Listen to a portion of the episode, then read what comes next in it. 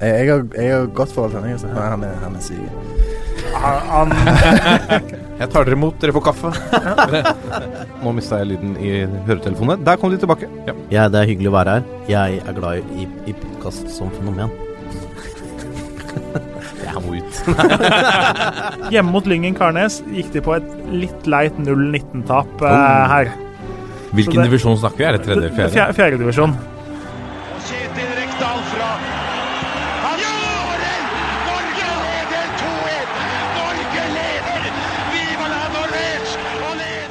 Og der er Tom Fotball tilbake igjen. Vi er kommet så langt som eh, mars eh, måned, eh, og det nærmer seg med stormskritt seriestarten i både Eliteserien, førstedivisjon og andredivisjon, helt ned til niendedivisjon. Vi skal selvfølgelig følge alt, ikke like tett, eh, men vi skal, vi skal følge det så godt vi kan. Og en, et kjært uh, gjensyn av en, en mann som har vært nede for telling. Han kommer selvfølgelig alltid tilbake. Jørgen Kjernås, velkommen. Takk for det. takk for det. Du har jo vært eh, satt ut av syk med sykdom. Ja da, det, hele familien har tatt en liten runde. Og så, Ja. når jeg har sittet klar, sånn som forrige uke, så var jeg kjempeklar. Ja, da var det jo ingen andre som skulle i studio, for da skulle jo folk jobbe og være sjuke og, og på treningsleir og sånn. Så det, så det er ikke bare Det er ikke bare mitt påfunn at jeg ikke har sittet her før. Nei, nei, det er godt å ha deg tilbake. Det rausa jo inn en haug av spørsmål når vi eh, annonserte at Breddenytt er på vei tilbake. Ja, men det er nydelig, det.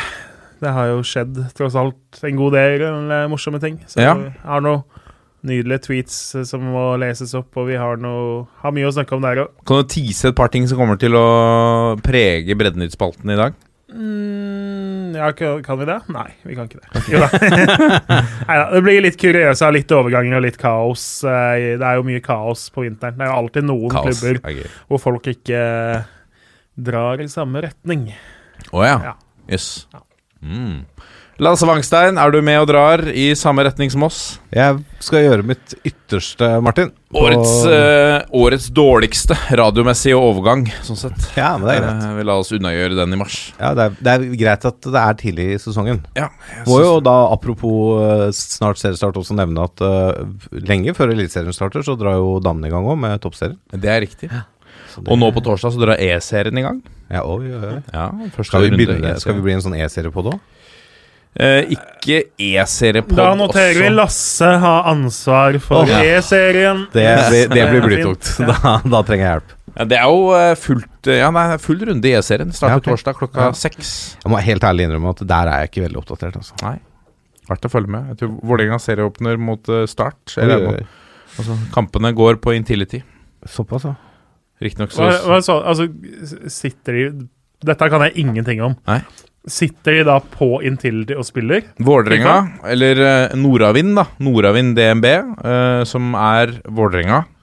Sitter, bare for å gjøre det litt komplisert Ja. for deg Sitter på Intility og, og spiller mot Start, som sitter på Sør Arena Ja. i Kristiansand. Ti, I fjor så møttes de på ett sted og spilte seriekamper. Eh, så har det vel vært litt kostnadskutt og sånne ting, så nå spiller de på hver sin arena. Da. Ja, det hørtes jo logisk ut. Altså, hvis du kan sitte i din egen stue og spille mot en åtteåring fra Zimbabwe, så Ja. kan de vel sitte på hver sin fotballstadion. De kunne jo sitte på gutterommet, tenker jeg da, men det er vel Føles litt meningsløst kanskje også å reise over halve Norge for å spille to kamper av seks minutter i Nei, Jeg trodde jeg var dedikert på sære ting, men liksom å reise til Kristiansand for å spille en én Fifa-kamp da er to kamper, Det to er kamper. to, da, likevel. Jeg føler ikke at det ja. Eh, Men når blir det sånn at vi kutter reisekostnadene på fysiske fotballspillere med eh, sånn VR-fotball? At de bare løper rundt på egen hjemmebane, og så med sånn briller? Kjempeforslag. Jeg gleder meg. Jeg har jo funnet jeg, vi, Kan bli en egen idrett. Ja. Det mange blir ikke så mye taklinger, kanskje? kan bli litt sånn som hva det heter, luftgitar. Luftfotball. Der tror jeg vi hadde hatt mye Der hadde det vært mye gode spillere. VM i luftgitar. Og Ja. hvilket land er det som arrangerer det, selvfølgelig? Finland. VM i luftgitar. VM i luftgitar, ja. Det arrangeres årlig i Finland. Ja, det er rått. Du må jo faktisk kunne grepene og akkordene og sånn for å spille det. Jeg tror mye går på innlevelse og Det- showman, det showmanship. For å bruke et godt norsk ord. Absolutt. Faen, nå spora vi bra her av Ja, her, ja, men. E-serien er jo fortsatt liksom Nei, men nå tenkte jeg luftgitar også Ja. ja. Deilig. Yes. Uh, Jerv, forresten. eh, Regjerende mester i E-serien. Gratulerer. Sorry. Jeg beklager. Videre i dagens sending, vi skal ha uh, I eh, Pulsen skal vi snakke om Nations League-trekningen som eh, eh, var akkurat. Um, vi skal ut mot Østerrike, Nord-Irland og Romania. Uh, vi skal innom øl på stadion. Um, vi eh, skal snakke om andrelagenes plass eh, i eh, seriesystemet og eh, de siste mest sentrale overgangene, samt et litt sånt generelt bilde på hvordan lagene har sett ut i treningskamper. Så har vi selvfølgelig gjensyn med Breddenytt, hvor det meldes om kaos i Nord-Norge. Eh, og vi har en haug med lyttespørsmål, så dette skal bli en nydelig sending. Men nå er det klart for ukens tulipan og kaktus. Nå må de faen meg skjerpe seg, så kommer jeg å river hodet av hver enkelt av dem.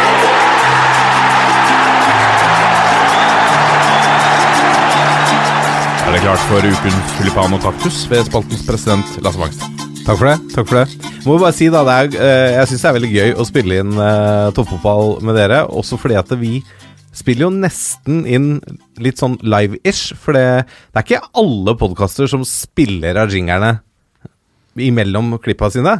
Men det er ikke alle som syns det er nødvendig. Og så legges, legges, det legges gjerne på i etterkant, da, i Ja. klippen. Mens her så får vi høre egen jingle først. det- er vår egen live. ja, det, stemning, det blir litt stemning av det. Ja. Og da er det jo um, Ja, det er jo ikke Det er ikke store kontroverser ute og går om dagen, øh, føler jeg. Eh, ja, men allikevel så har jeg klart å hoste fram et par kaktuser. Men kontroversene har på en måte Vi har jo hatt kontroverser i vinter, men de har jo liksom roet seg litt. Ja, og så er det så lenge siden at det blir liksom feil å begynne å dele ut kaktus et par måneder etterpå, liksom. Ja. Men eh, jeg har jo klart å hoste fram et par sånne småkaktuser eh, den gangen her. Ja, riktig. Eh, den første går til eh, skal jeg, Vi skal jo innom dette her pulsen, øl på stadion-tematikken. Men den går til de som for enhver pris skal hive seg på den diskusjonen helt ukritisk, bare for at de er pro- programforplikta til å gjøre det. Og da ser jeg kanskje sånn spesielt på et politisk parti eh, med kristelige verdier.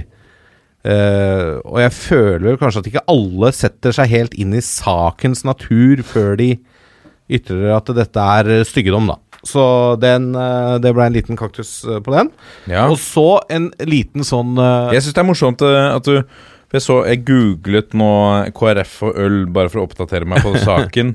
Der kommer det også fram i 2016 så ville KrF vurdere lavere alkoholavgift for øl. Ja. Eh, fordi dersom dette viste, viser seg at dette kan føre til et lavere konsum, så vil de senke avgiftene. Mm. Eh, lavere konsum av sterkere alkoholholdige drikker, da. Ja, eller et lavere alkoholkonsum. Så de vil på en måte De, de tenker at eh, de vil eh, Det er et eller annet ordtak som eh, går på et eller annet rundt dette. Men uh, Nå de altså Ikke med akkurat dette. Nei. Uh, men, men de vil altså slukke liksom uh, sprittørsten med øl, på en Ja, måte, til norske folk. Mm.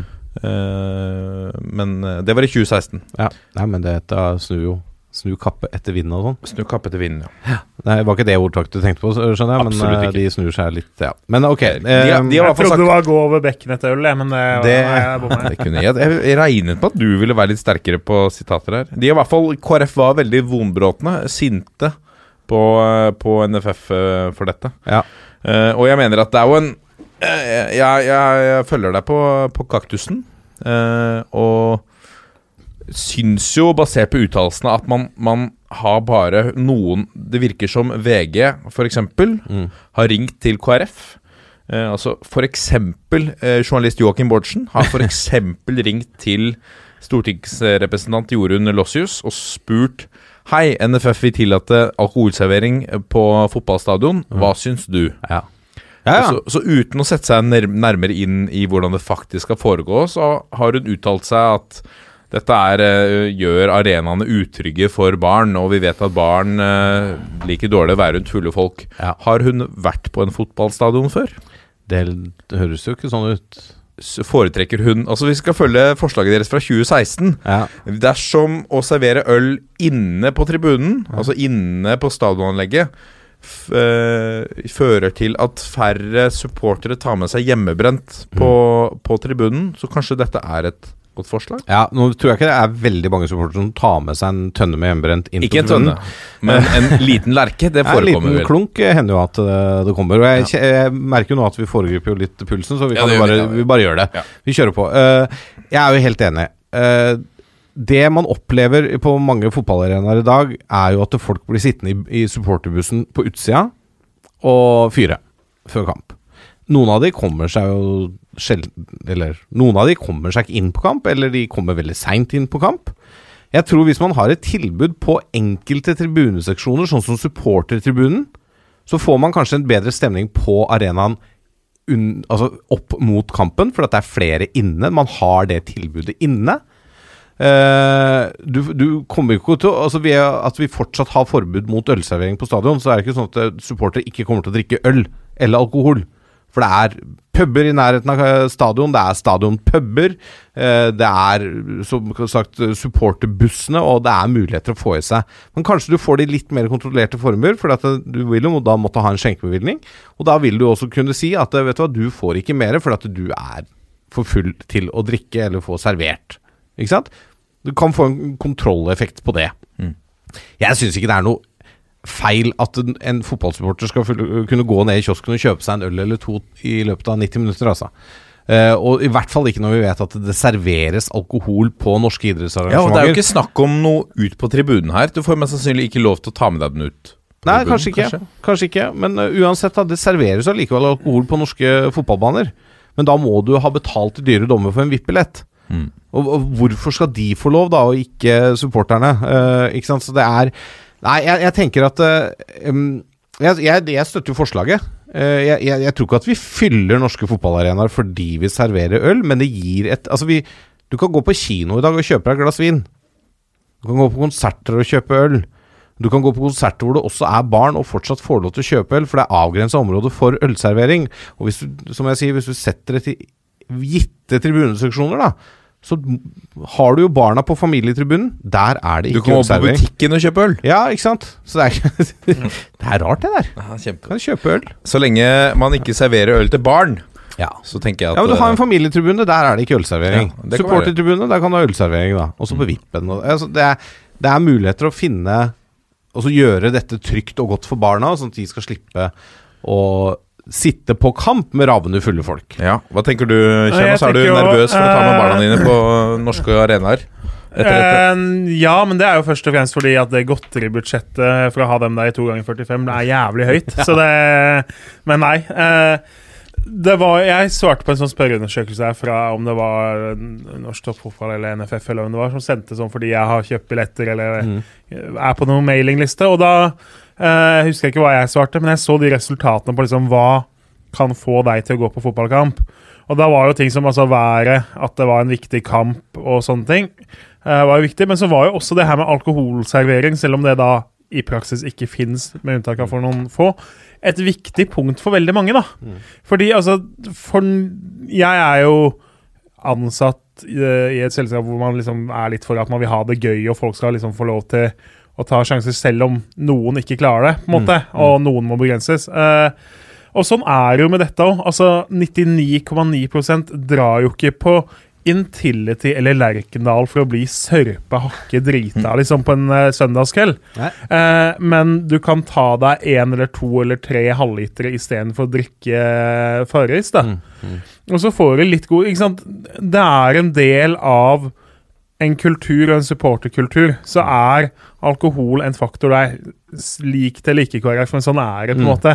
Samme som altså, russetid hører ditt til, og skal du på en fin restaurant, så på en måte kan du kjøpe vinpakke. Altså, det, det er en del av det.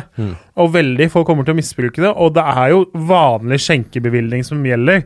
Serverer du da øl til mindreårige eller til folk som åpenbart ikke skulle vært servert alkohol, så får du jo ikke lov til å servere det mer på så og så lang tid. Så det er jo ikke noe sånn at det blir frislepp og fyllefest og liksom Jeg tror KrF Julossus her har sett for seg kanskje at Ja. disse barna som jobber på dugnad Ja. fra det samarbeidsklubben her, at det er de som skal stå og skjenke øl. Ja. Det nesten høres Og så er jeg helt sånn sikker på at du får ikke ha med deg de eh, glassa ut på tribunen. Da må du stå bak ved serveringene. liksom. Du kan ikke ha det med ut og Du se kan godt ta kampen. dem øl i pausen, da. Én Ja. før kamp, én i pausen. Ja. Eh, og det funker jo. altså Noen ser Lerkendal har jo en form for dette på supportertribuna si. Der har, får du jo kjøpt øl Det er jo ganske mange år siden jeg var på den supportertribuna, men da fikk du jo kjøpt øl i den puben som er rett bak der hvor du går inn. liksom Du er 15 meter unna den harde kjernen av kjernen. No pen intended, faktisk.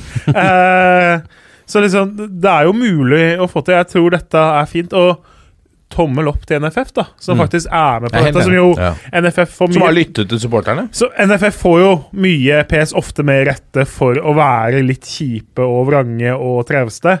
Men nå faktisk lytte til dette og være villig til å teste det. Jeg, jeg ser veldig få uh, holdt på å si nedsider ved dette, og det liksom De der reaksjonene er forventa fra KrF. Altså. Men det, jeg syns dette er tipp topp. Uh, og får det noen hundre eller noen tusen ekstra supportere og tilskuere på norsk fotball i løpet av en sesong, som det sannsynligvis gjør, så er jeg veldig for. Ja. Og så vil det øke inntektene for klubben i kiosken. Ja. Ja, ja, klart det gjør det.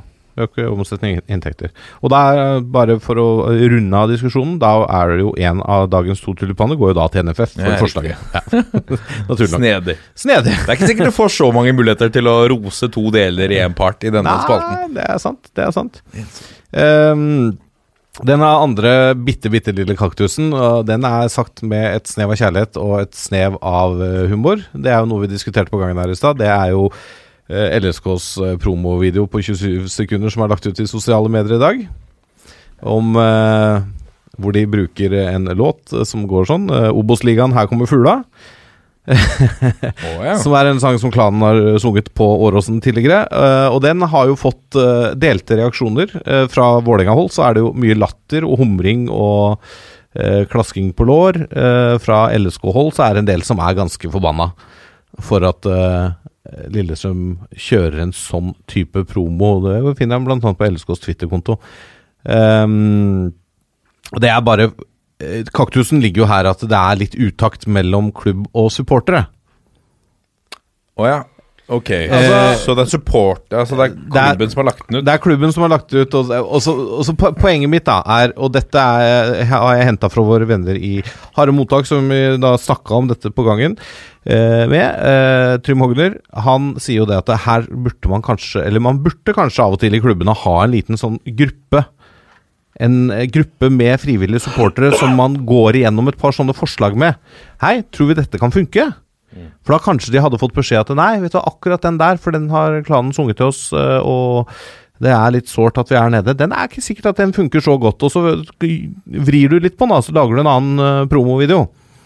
Her blir det mye negativ oppmerksomhet, så det handler om den der utakten som av og til finnes mellom klubbhold og supporterhold. Eh, Ja, for det er ikke så dumt øh, For det er, jo- det er ikke så dumt å involvere de du ønsker å motivere. Nei, og de du ønsker å snakke til. Ja. For det er ikke alltid, og dette vet jeg av dyrkjøpt erfaring, det er ikke alltid vi, sier jeg nå, på kontoret, vet alt som rører seg på tribunen og i supportermiljøet. Sånn er det bare. Så ærlig må vi bare være. Det er, det er dessverre veldig ofte det er litt utakt mellom, mellom klubbdrift og supporterdrift, da, for å si Ja. det sånn. Selv om man egentlig ønsker det samme, så er det ikke alltid at, eh, takten, at det går helt i takt. Nei. Så. Eh, helt til slutt eh, så blir det en eh, tulipankvast eh, til tidligere Østfold, nå Viken. Nærmere bestemt eh, S08. Sarpsborg 08 og um, sportssjef, eller er han sportsdirektør? Jeg er litt usikker. Sportssjef innleid. Sportssjef Sportssjef, ja. Thomas Berntsen? ja. Er han ikke det? Er han innleid? Ja, han er jo innleid, ja. Innleid, da? Han fakturerer jo. Han fakturerer, ja. Ok. Josemar hadde jo en stor sak om det i Ja, fjor. Ja. Mm. Eh, men i hvert fall, eh, de tok imot Eurosport. Konsulent. Ja. med åpne armer og lot uh, Eurosport få henge rundt i gangene der og se på klubbdrift. Og hvordan ting fungerer, spillersalg og sånn. Spillerkjøp. Eh, det er jo bare å ta seg hatten for, for det er akkurat det vi har kritisert her tidligere. Åpenheten. Det er kult, altså. eh, og at eh, rettighetshaver er på ball og, og gjør de litt ekstra tingene. At rettighetshaver eh, viser oss de tingene som vi som er litt eh, over snittet interessert i fotball, har lyst til å se, da. Litt mer enn to ganger 45 og et spiller- og trenerintervju. Eh, så det, det blir en sånn delt tulipan der mellom eh, klubb og, og rettighetshaver eh, Eurosport. Nå kommer pulsen. Da er vi kommet til pulsen, og vi skal begynne pulsen med Nations League. Fordi ikke bare møter vi Serbia til en uhyre viktig match om eh, Er det to uker? Tre uker? Eh, ish. I slutten av mars. tre uker. Stemmer. Yes. Og for de som var forvirra når forrige Nations League ble tråkket, nå er altså forvirringen komplett. Fordi eh, denne utgaven er om mulig enda mer komplisert enn den forrige vi hadde. Ja, nå er det jo sånn at uh, det er litt Joker Nord fortsatt. Uh, så kommer det br brille-joker og stjele mentate-joker og Nei, det uh, Vi vant jo vår gruppe på nivå C sist. Det betyr at vi rykker opp til nivå B, altså det nest høyeste nivået, hvor vi skal spille nå. Uh, ble trukket i dag. Vi møtte Østerrike, Romania og Nord-Irland. Hvis vi ikke går videre til EM, så var det veldig dumt av oss å rykke opp, egentlig. Nei, njei. Det går an å hevde det. Det Går også an å hevde det motsatte. Eh, men det er jo så enkelt som fire lag i gruppa. Vinner du gruppa, så rykker du opp til nivå A. Får lov til å spille med de beste neste gang. Det vil si at Da møter vi Frankrike, Tyskland, Spania, England osv. Eh, neste gang. Eh, sånn som Sverige nå havna vel med Kroatia, Portugal og Frankrike, f.eks. på Ja. nivå A. Det er jo en eh, det er jo en fin eh, gruppe for eh, billettsalgsavdelingen til NFF, eh, hvis vi havner i en sånn gruppe. Mm. Eh, havner vi i siste gruppa, så er vi tilbake på nivå C om to år. Men så kommer jo det altså det viktigste Nations League er jo for fin av treningskamper, men så er det den lille VM-sjansen som kommer inn. Eh, fordi Europa har 13 plasser i VM 2022. Ti av dem går til de lagene som vinner sine kvalifiseringsgrupper i den vanlige kvaliken. Det er ti grupper. Vinnerne går vi til VM. Så går alle de ti toerne eh, videre til et playoff. Der er det også to Nations League-plasser. Eh, og de går til de beste gruppevinnerne i Nations League. Altså Så gruppe hvis- A, B, C, D. Så det vil si at på nivå A, da, øverste nivå, hvis Frankrike eller eh, Sverige, da, for den Mm. saks skyld, vinner sin gruppe i Nations League, men ikke har blitt topp to i sin VM-kvalifiseringsgruppe, da får de en av de Nations League-plassene. Og så må vi jo anta at lagene som vinner Nations League på nivå A, sannsynligvis ender topp to i sine kvalikgrupper. Det er veldig rart om Frankrike ikke blir topp to Mm. i sin gruppe, men vinner Nations League osv. Ja. Eh, da går det til Ser vi på nivå B, hvor Norge er, eh, da går du til de to beste gruppevinnerne der. Mm. Altså de to gruppevinnerne som har flest poeng.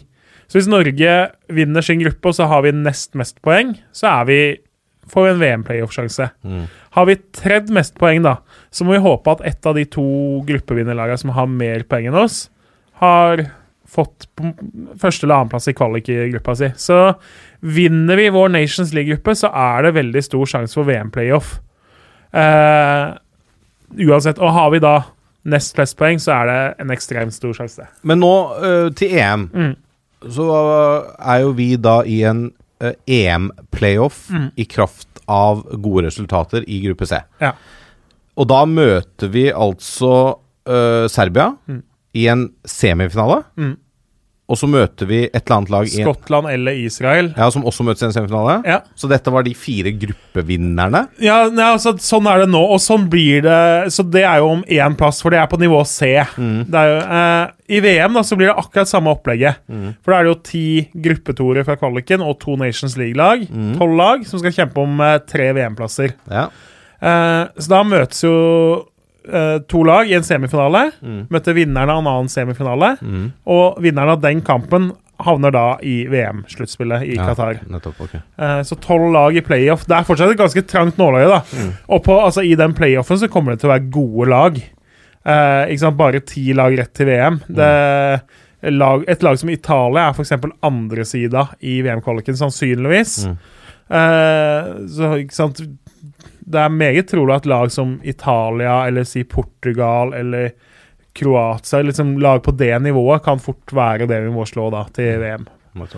Eh, men ikke sant? det er jo bedre å vinne, og da vinner vi, så får vi jo uansett spille med de aller beste neste gang, og det er jo gøy i seg selv. Ja, Men, det er jeg men det er tross alt trekninga til VM-kvaliken, som vel er 29. november eller et eller annet sånt, som er det viktigste. Mm. Tross alt. Det gjelder jo å ha flaks der. Eh, det er noen lag på øverste nivå, uh, står litt stille, som er mindre gode enn de andre lagene på det nivået, da. Ja. Uh, så ja. det, det er muligheter. Det gjelder å ha litt flaks. Og alt dette teller jo inn på Fifa-rankingen også, så alle poeng og seier vi tar her, Mm. telles jo inn der også. Um, så det, det hjelper oss jo. Uh, skulle gjerne sett at vi kom litt høyere enn 44.-plass. Uh, altså, vi, vi føler oss jo bedre nå enn 44.-plass. Ja, men det er Ja da. Det er, det er, det er ikke så lenge siden jeg var i vaka rundt 70, er det det? Altså, det viktigste nå er jo Serbia. Det er det alt handler om. Eh, så det er klart Det er der slaget står nå. Det, Ja. Og det handler jo om å komme over den baugen og endelig klare et mesterskap igjen, på en måte. Så at det ikke blir sånn som apropos Lillestrøm, som vi snakka om, at og nå handler alt liksom om å berge seg, og det blir litt for knytt. For Norge også, så blir det sånn å, nå har vi choka så mange kvaliker på rad, og vi har møtt Ungarn med en keeper i joggebukse, liksom, og sånn, og choka da. Og det sitter jo litt i bakhuet et eller annet sted. Og sånn som håndballgutta holdt jo alltid på også. Og, Uh, liksom OK, den kampen her så må vi vinne, og så ble 25-24 til ettmålstap, liksom, selv om det var to minutter igjen. Så ja, det er noe med det. Ja. Vi går eh, videre til eh, Morten Gams Pedersen, som har funnet seg en ny eh, klubb. Han, etter å ha vært aktuell for Blackburn, tar han nå turen til Alta i Post Nord. Ja, jeg, jeg og Lasse snakka jo om det mens vi venta på programlederen på bakrommet. Jeg er jo litt imponert. Han er 38 år. Han har tjent ganske mange millioner i sin karriere. Han har vel, så vidt jeg har fått med meg fra mediene, forvalta de millionene relativt fornuftig, sånn at det har blitt enda flere millioner også. Eh, han er 38 år, opplevd liksom ganske mye på fotballbanen. Eh, og så gidder han å spille annendivisjonsfotball. Eh, jeg syns jo det tross alt er imponerende. Jeg, selv de av som elsker norsk annendivisjonsfotball Jeg ser jo for meg at hadde jeg vært han, så hadde jeg jo vært mer frista til å kjøpe liksom et penthouse-leilighet på en eller annen strand. Kjøpe meg min egen strand. Liksom bare nyte livet, da. Bare ligge der, sove til ti om morgenen, stå opp, gå på stranda, gå hjem. Oh, sove til ti! Jo, ja, oh, såpass crazy. Du vet det er småbarnsfar når det er liksom den ultimate Drømmen. drømmen. Sove til ti. Ja, ja. Men liksom levd livet, da. Hatt egen kokk, hatt egen eh, husholderske. Liksom, altså.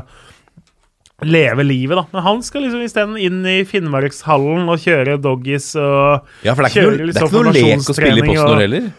Nei, altså Det er jo tøft, og det er jo en avdeling med mye gode lag. Og så får han jo da med seg Hans Nordby, er jo også med. Kommer den etter en skuffende sesong på Hamar. Så har det vært snakka om at Trond Olsen, som vel Han var jo klubbløs i fjor. Har er- erklært at han har lagt opp. Har vært rykta at han nå skal tilbake. Så Alta er litt sånn footballmanager-variant. At du går liksom på gratismarkedet og så henter du de navna du har hørt om, selv om du veit at de holder i én sesong. Men det, kanskje det holder til at Alta da går fra å være et lag midt på tabellen til å kunne kjempe da helt til toppen.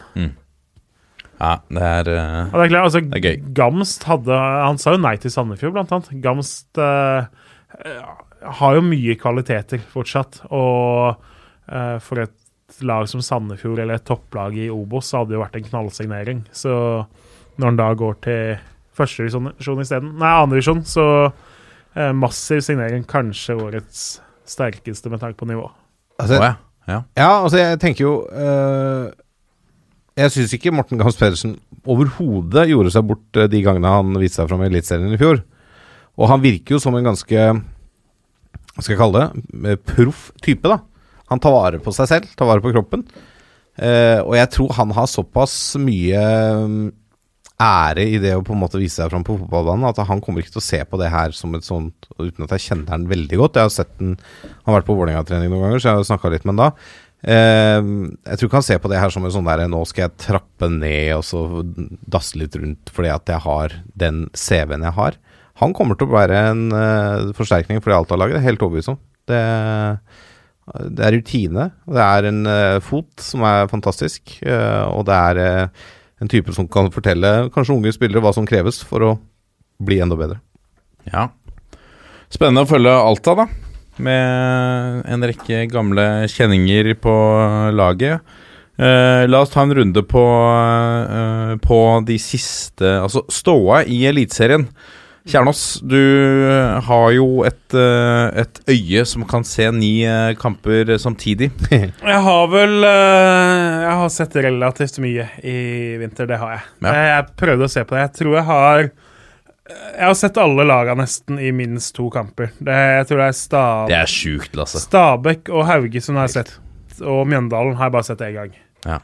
Eh, ish. Altså, Etter hva jeg har hørt, så trengte du ikke se Mjøndalen flere ganger. For det har stort sett vært Nei, jeg tror ikke eh, Mjøndalen Det er ikke liksom greatest eh, hits de driver med i vinter. Det er det ikke. De har blitt knust av masse Obos-lag, så uh, det er godt det er trening for dem. Men uh, sett Bodø-Glimt live et par ganger. Sett mye av det de driver på med. De har jo stort sett vunnet i hver eneste kamp nå. Eh, alle venter at Glimt liksom, ok, nå overpresterte i fjor, nå kommer de til å liksom dette ned til tiendeplass. For det, sånn skjer det jo i norsk uh, eliteserie hver eneste gang et lag overpresterer stort. Men uh, de syns jeg har sett veldig bra ut. Eh, Ulrik Saltnes ser ut som Eliteseriens kanskje beste spiller, nesten. Det er, han er klasse i alt han gjør, og bare oser form. Og Patrick Berg er like god som før. og så har de litt altså. De har jo da henta Sami Skytte, de har henta Kasper Junker, begge var på lån i Stabæk.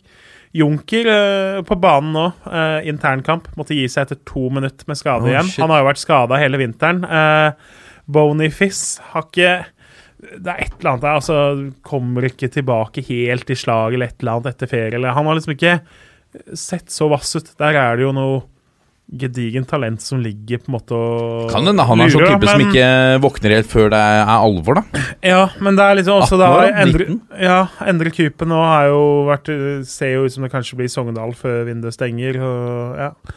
Men altså, Glimt kommer til å bli gode igjen i år. Eh, Rosenborg er jo hiaka hoaka, som Jostein Grindheim ville sagt det. Eh, det, er, det er fotball eh, hvor det er mye mål, og de evner jo ikke å forsvare seg for tida. Eh, jeg ville jo vært bekymra med tanke på det. Jeg syns det er rart når da man veit at Tore Reginiussen er på siste sesongen. Eh, Hovland Valsvik er ikke god nok med tanke på de målene Rosenborg har om å tross alt lykkes utafor landets grenser også. At ikke de eh, henter en stopper av høy klasse, det er jeg overraska over. Uh, men ellers offensivt. Pål André Helland er jo en helt ny utgave. Har gått fra å se ut som det skulle bli Nordkjøping uh, for to måneder siden, til at han nå er omtrent den første du setter på opp på lagtavla. Øser inn mål, har målpoeng. Eh, kommer jo til å hvis han, altså hvis han ikke blir skada, så kommer han til å være tilbake på det eh, å være Eliteseriens fremste profil også på banen, ikke bare i intervjusituasjoner. Så eh, veldig spent på Rosenborg. Dino Islamovic eh, har skåra en del i Hvordan vinter. ser han ut? Han skårer mye lette mål, da. Altså, det er mye header innen retur fra 40 cm etter corner, men Det er Rosenborg-spissen. Altså. Rosenborg skaper mye. Han, han er ikke den raffinerte, elegante spissen som på en måte har uh, best of-videoer som Videoer, faktisk. Uh, på YouTube, som liksom blir sett av alle. Men han, uh, han er der hvor ballen lander inne i femmeteren, eller rett ved femmeteren. Og det er ganske tydelig rollen han skal ha, og den rollen var ikke Sødlund god nok på i fjor. Så jeg tror han hever Rosenborg, selv om han ikke liksom er en fantastisk fotballspiller hvis du måler på triks og eleganse. Men uh, sånn som det ser ut som Horneland vil Rosenborg skal være i år, så kommer han til å skåre mye. Molde, spent. Har ikke henta stopper, da. Nei. Eh, ellers så har de jo to lag å ta av offensivt, egentlig. Henta Beck, eh, Beck Ikke sant. Molde gjør det sånn, nå henter de John Kitolano på toårslån. Han er jo nesten i prinsippet tilbake og fast. Henter da Markus Holmgren Pedersen, som mange andre ville ha, til høyrebekk. De kan liksom få lov til å sitte på benk, spille cupkamper, spille litt her og der, få en 8-9-10 seriekamper i år, og så utvikler de liksom Når Haraldseid eller Haugen er passert eller solgt, så har de noen til å ta over den rollen. Ja, for Det virker ut som de kjøper inn hele tiden nå, sånn at de kan selge hvem som helst. Ja, men de- det har de jo gjort lenge òg. Ja. De henta jo f.eks. Elionossi. Alle så jo potensialet, men de har på en måte De bruker jo som regel midla der, og det er jo lurt fordi veldig mye av det de har henta utafor landets grenser, der har de jo en skyhøy bomprosent. Mens norske spillere mellom 18 og 23 år, der har de en skyhøy treffprosent, egentlig. Så jeg skjønner jo at de gjør det. Og så litt overraska over at de tenker at okay, Gabrielsen, som var den viktigste forsvareren i fjor, har gått ut, og så holder det med at Stian Gregersen kommer tilbake fra lån. Så Molde er svekka defensivt. Uh, jeg tror jo kanskje de gjør noe, men det er ikke så lett heller å få tak i noen i mars, da. Uh, Bare det du sier med at de treffer veldig godt på norske spillere. Mm. Uh, det, altså, all ære til Molde for det, for de gjør en kjempejobb med å hente de rette typene. Men det er jo et par av de spillerne de henter, som kanskje den vanlige mannen i gata tenker sånn Hæ? Hva skal de med han? Og og det henter jeg fra den klubben. Eh, men det, det, det viser jo at de er flinke på å hente rette personligheter, sannsynligvis. Og også så tror jeg det viser litt hvor eh, mye det betyr hva du har rundt deg for å utvikle deg som fotballspiller. For Molde har en solid stamme i laget. De har et godt lag. De har et bra støtteapparat. De har alt ligger til rette for at du skal kunne utvikle deg til å bli en god fotballspiller. Og da kan de foredle spillere som folk kanskje ikke ser det samme potensialet i, til å bli veldig gode eliteseriespillere. Og potensielle riddere. Og potensielle riddere. Og da kanskje samtidig spillere som i andre klubber ikke hadde klart å lykkes like godt, da. Fordi at da kanskje Hadde de blitt henta til en annen klubb, så hadde det vært mer forventa at de skal dra på en måte vogna med en gang. Dra lasset med en gang. Men eh, i Molde så får de tid til å utvikle seg, får tid til å komme inn i en, eh, inn i en tropp og ha masse gode spillere rundt seg som gjør at de får lov til å blomstre. Det tror jeg kan være litt av suksesskriteriet i Molde. Mm. da? Hvordan ser du på stoppeplass der? nei, de må jo ha en Ormgård-erstatter. De har henta to stoppere, har de ikke? Ja, de henta én. Kolskogen er jo ekstremt spennende. Men uh, 2020 tror jeg er litt for tidlig Ja, for at han skal inn der. Uh, og det er det eneste jeg henta, for han svensken er jo sendt tilbake igjen på lån. Men ja, stemmer, eh, stemmer. jeg, jeg tror jo de leter, men så tror jeg de vil være veldig sikre på at de treffer på riktig mann, og den, det objektet har de ikke da kommet over ennå. Men eh, eh, ellers eh, spent, du ser jo De prøvde jo blant annet her med Fredrik Haugen som en sånn fri høyrekant. Mm. Eh, det funka fryktelig dårlig mot Åsane. Han må inn sentralt og fordele baller der. Så har de jo, er det litt tynt på kantene, men eh, de knuste jo Djurgården i Stockholm. Da så det kjempegøy ut, og så kommer du da hjem igjen og så taper du mot Åsane i en helt trøtt forestilling hvor Åsane egentlig er best. Men eh, Bamba har skåra brukbart med mål. Er mye mer der hvor han skal være, mye mer på mål. Eh, eh, ser mye mer ut som liksom instinktet han har våkna litt. Eh, i, I fjor så var han på en måte overalt og litt frustrert, for han fikk liksom ikke de balla han ville jobbe med. Uh, vært veldig tydelig at Lars Arne Nilsen er bevisst på at han skal fòres med liksom, å true med bakrom, få lov til å være der hvor han er god. Så han kommer til å se ut som en helt, ikke helt annen spiller, men en giftere spiss enn det han var, eh, har vært i halvannet år der. Så jeg er veldig spent på Brann, men det mangler noe der før liksom medaljekamp. Klaffer alt, så er de fjerde-femteplass-ish. Men eh, da skal liksom det meste klaffe og holdes skadefrie, og de må ha stopper fortsatt for det. Ja. Så ellers er det jo, ikke sant Sandefjord har jo sett Ja, har ikke sett ut som et eliteserielag. eh, har jo mista Pontus Engblom. Har jo fortsatt ikke De har henta Sivert Gussiås fra Strømmen, som gjorde OK for Ole Martin i fjor. Eh, Skårte bra med mål der. Eh, Ole Martin har klokketro på han. ja, Han har ikke gjort så mye i vinter. Det har jo George eh, Gibson. Har sett derimot ut som en ganske bra spiss. Han hadde vel jeg tror ikke han starta i fjor. Han hadde en åtte-ni innhopp i Obos-ligaen. Eh, råmateriale som er voldsomt bra, men også De har ikke henta stopper. Lars Grorud er én av to stopper inn i startoppstillinga. Uh, kantene så har de henta tilbake Kristoffer Nordmann Hansen, som ser bra ut. Erik Brenden har vært skada, kommer jo fra benken til Lillestrøm. Og man ser jo, ikke sant De har jo ikke penger til å hente med. Og, så jeg er sånn Sandefjord kommer til å bli tippa sist av samtlige. Det går ikke an egentlig å levere et seriøst tips hvor du ikke har Sandefjord på sisteplass. Eh, da- La oss gjøre noe med det. Ja, det, er, altså, det, er, det er faktisk ikke mulig. Men så er jo fotball sånn, og noen vil si så er norsk eliteserie sånn at det på papiret som er en desidert 16.-plass, er- kan bli en 9.-plass, ikke sant? Ja. Plutselig så blir da Gibson i tidenes flytbølge, og så eh, gjør de sånn som Mjøndalen gjorde i fjor, og spiller på en måte enkelt og effektivt og kriger inn og corner og vinner 1-0 hjemme i kamper hvor de egentlig ikke er noe gode og sånn.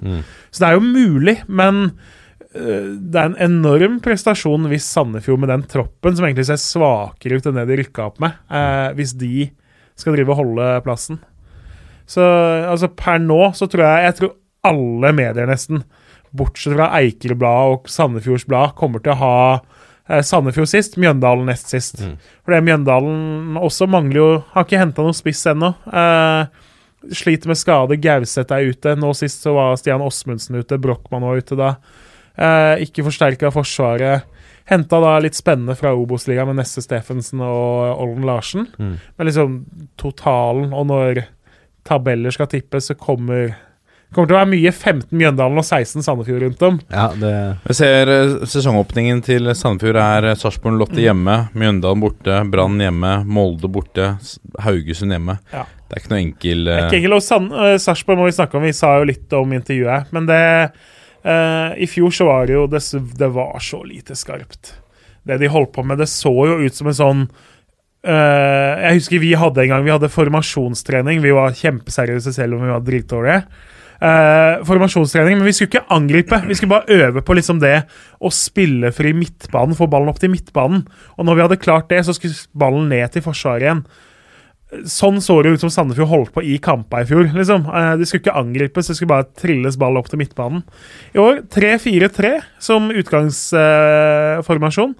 Eh, Joakim Thomassen og Suleman Bojang som eh, wingbacker, som da se, med fare for tidenes overdrivelse ser ut som Cafu og Roberto Carlos. I hvert fall i, i mentalitet. da. De er mer oppe rundt motstanderens 16-meter enn egen 16-meter. Eh, Off-Keer og Alexander Jacobsen, som liksom har tempo og X-faktor, som skal inn i en av kantrollene offensivt. Ole Jørgen Halvorsen ser ut som han har våkna etter et år i søvne, egentlig. I fjor så var han jo særdeles anonym. Nå har han sett skarp ut. Jørgen Strand Larsen har vært like Ja, for det er det Han store har ikke vært like sinnssyk som i fjor. I fjor var- skåret han jo 13 mål eller hva det var på vinteren. Ja. Eh, men fortsatt han ser ut som en klassespiss på topp. Eh, og de har mye Han sa vel også at han tatt et oppgjør med seg sjøl, at, eh, Mm. at han har b- tatt, tatt litt tak i sine egne Ja, rutiner. eh, de sånn. har henta god keeper i David Mittow Nilsson. Eh, har en bra stoppertrio eh, hvis Horn kommer tilbake.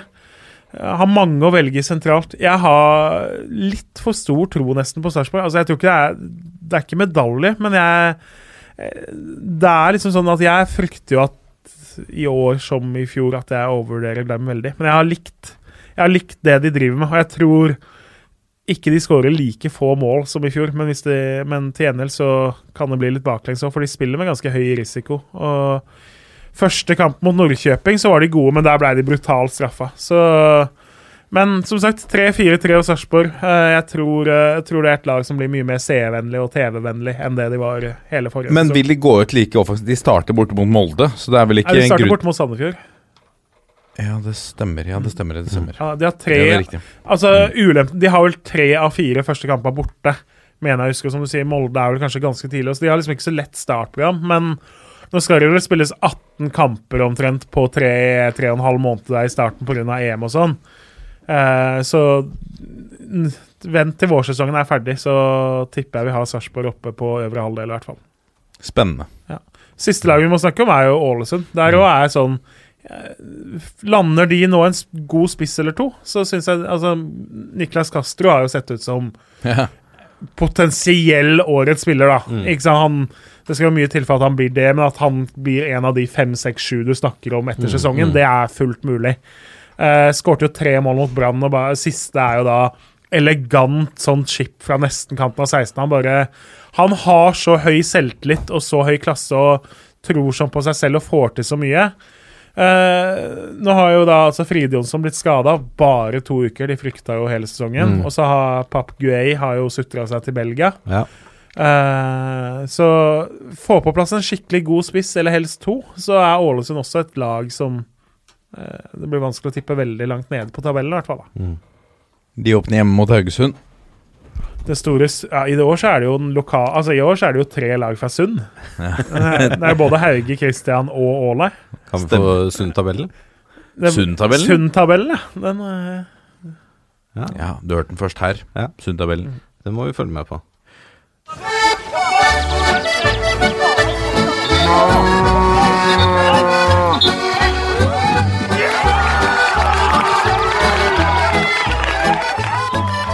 Da er vi klare for Breddenytt. Endelig tilbake ved Jørgen Er det, er det en okse eller en ku i, i jingeren der? Det er Storf.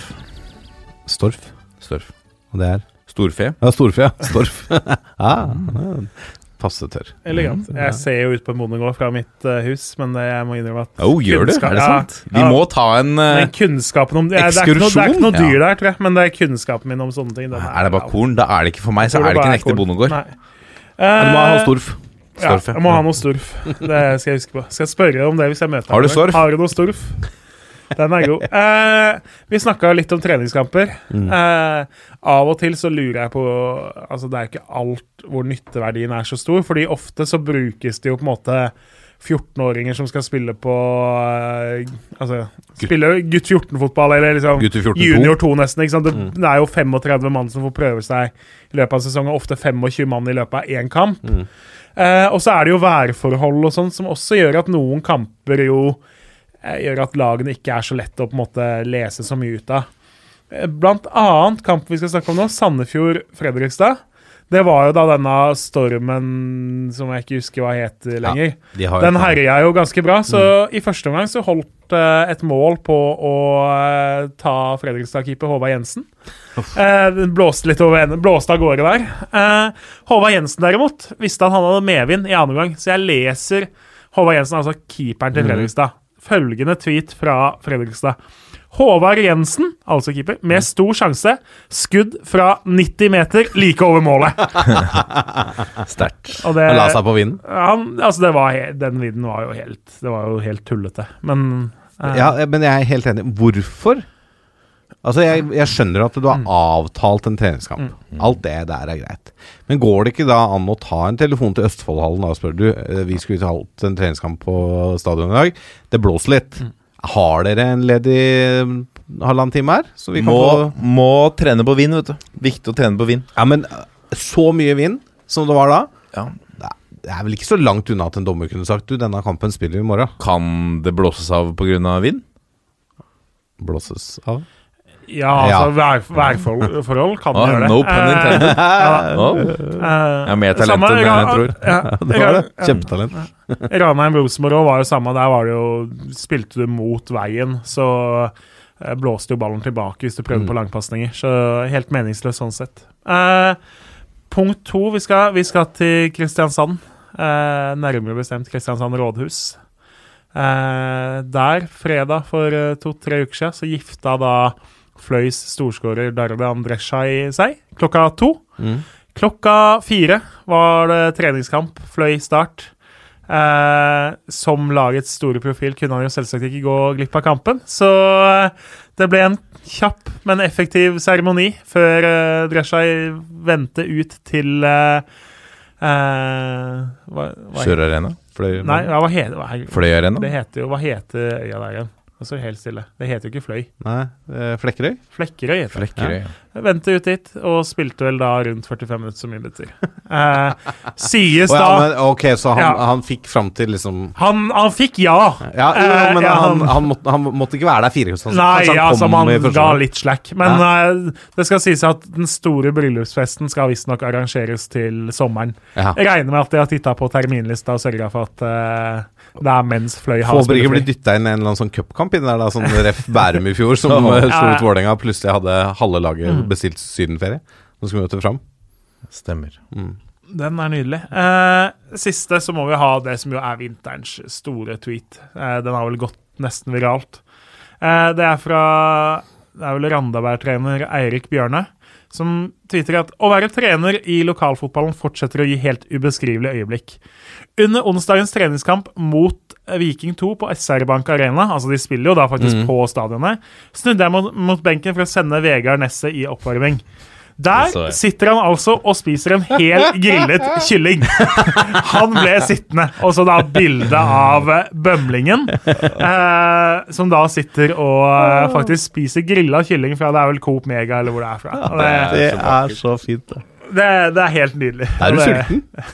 Ja, men jeg er Ja, innbytter. Jeg må altså, ha mat. Jeg Jeg kjøper en kylling. Altså, uten å vite det, altså, Sannsynligvis er jeg jo liksom rett fra jobb til kamp, Ja, ja. tipper jeg. Sannsynligvis. Eh, og da, okay, hvis du ikke rekker hjemom, da, så innom Coop-en og sjekke hva de har som ligner på Har du middag. god da. mat? Ja, har Et eller annet som er varmt og føles som middag. Og da så- velger du ikke lasagne når du skal sitte Nei, du på kjører liksom ikke den der eh, kyllingsuppa heller, på en måte. Du går Men det er jo bedre at han spiser det eh, enn at han lar være, men kanskje et eple denne gangen? Eller Ja, eller så kan du i hvert fall få den unna før du setter deg på benken, da, men det eh, Ja. Vi har jo hatt noen i studio som har snakka om smågodt på andregangskamper Altså, det, det fins nok andre ting enn grilla kylling som er spist på, diverse benker Ja, også, som vi ja. kunne snakka om. Jeg, eh, bare en liten sånn shout-out da, til uh, fotballagenten. fotball? Fotballagenten Knut Høybråten? Knut Øybråten. Jeg har så vidt begynt å røre litt i boka hans. Oh, ja, ja. Eh, da- Den er fresk? Den er fresk, ja. Det er eh, fortellingen om Oldboys-kampen eh, i nord mellom Tromsø og Brann.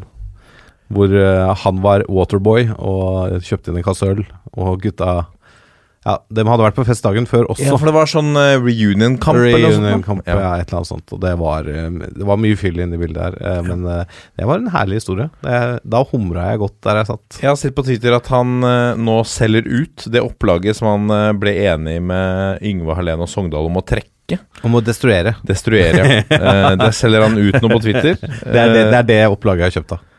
Ja, Å ja, er det det? Ja, ja. Jeg forstår. Jeg forstår. Det, det Jeg måtte jo skaffe meg et eh, X. Signert sådan. Han sa han skulle bruke pengene på et nakenmaleri av Jim Solbakken. Nei, han skulle Hvorfor du korrigere deg? Han skal uh, bruke pengene på et eh, portrett av Jim Solbakken malt av en australsk kunstner som kaller seg for Picasso.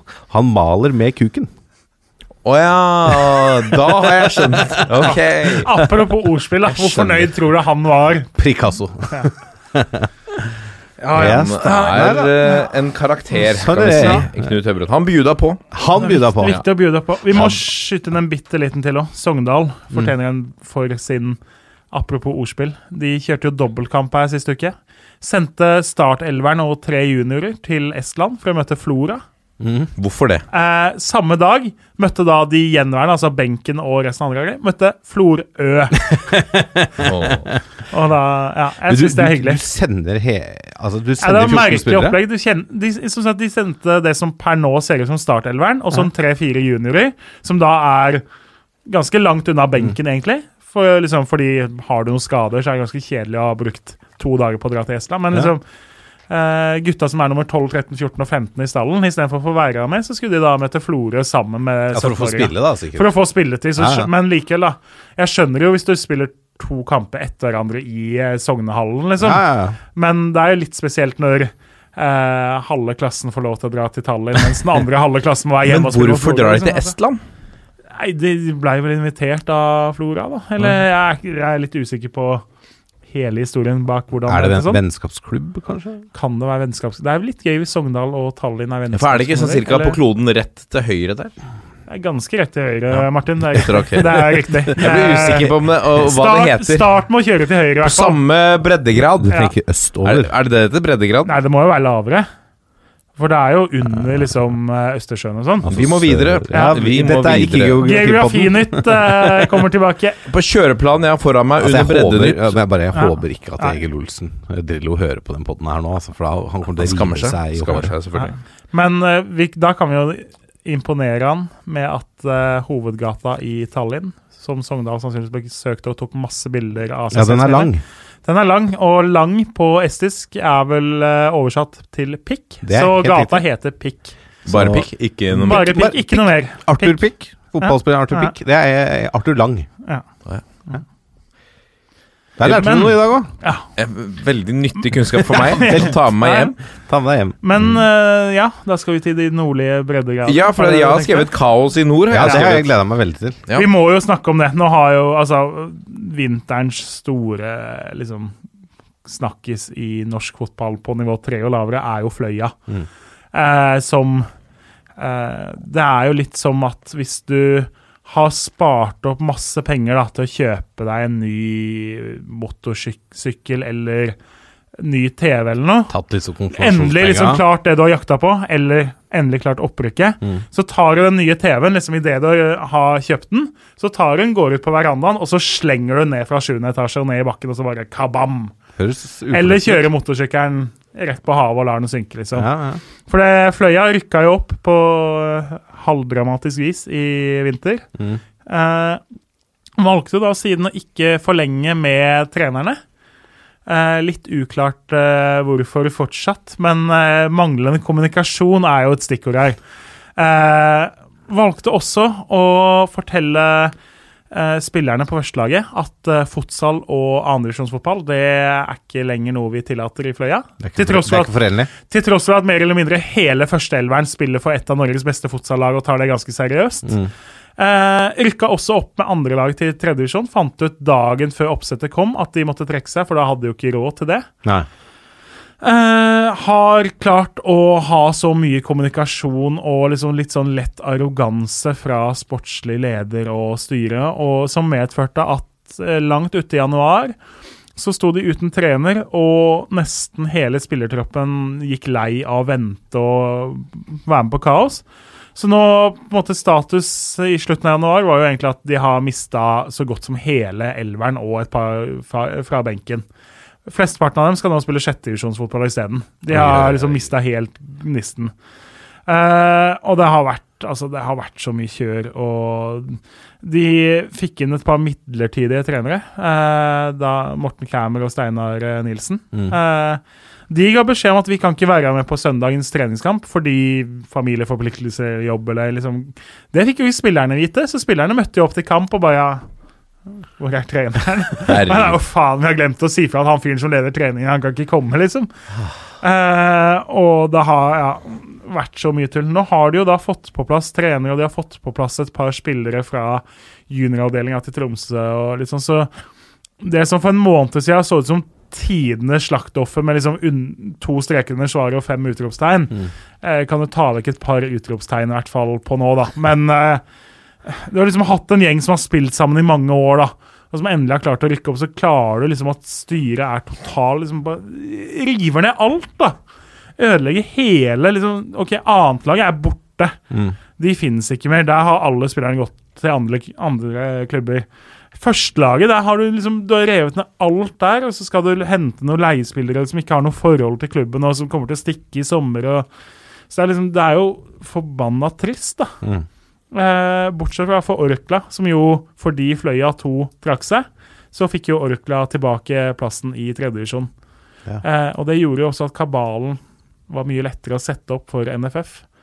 Eh, da hadde du 14 lag i Midt-Norge. Du hadde på en måte litt sånn Det ga seg litt mer selv, da.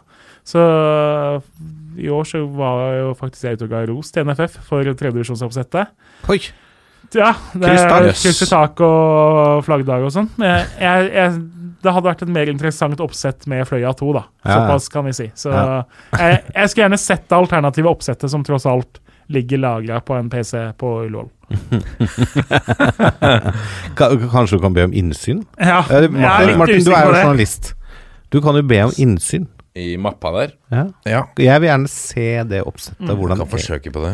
Gjør det. Dette, det er en bra sak. Ellers Ikke for... veldig, men jeg, jeg skal gjerne sett For deg. Ja, for Veldig meg. interessant for deg. For meg. Dette er toppfotball. Da har vi kommet til lyttspørsmål. La oss begynne med et spørsmål som kom på vår Instagram, at toppfotballpodkast, eh, fra Skarps.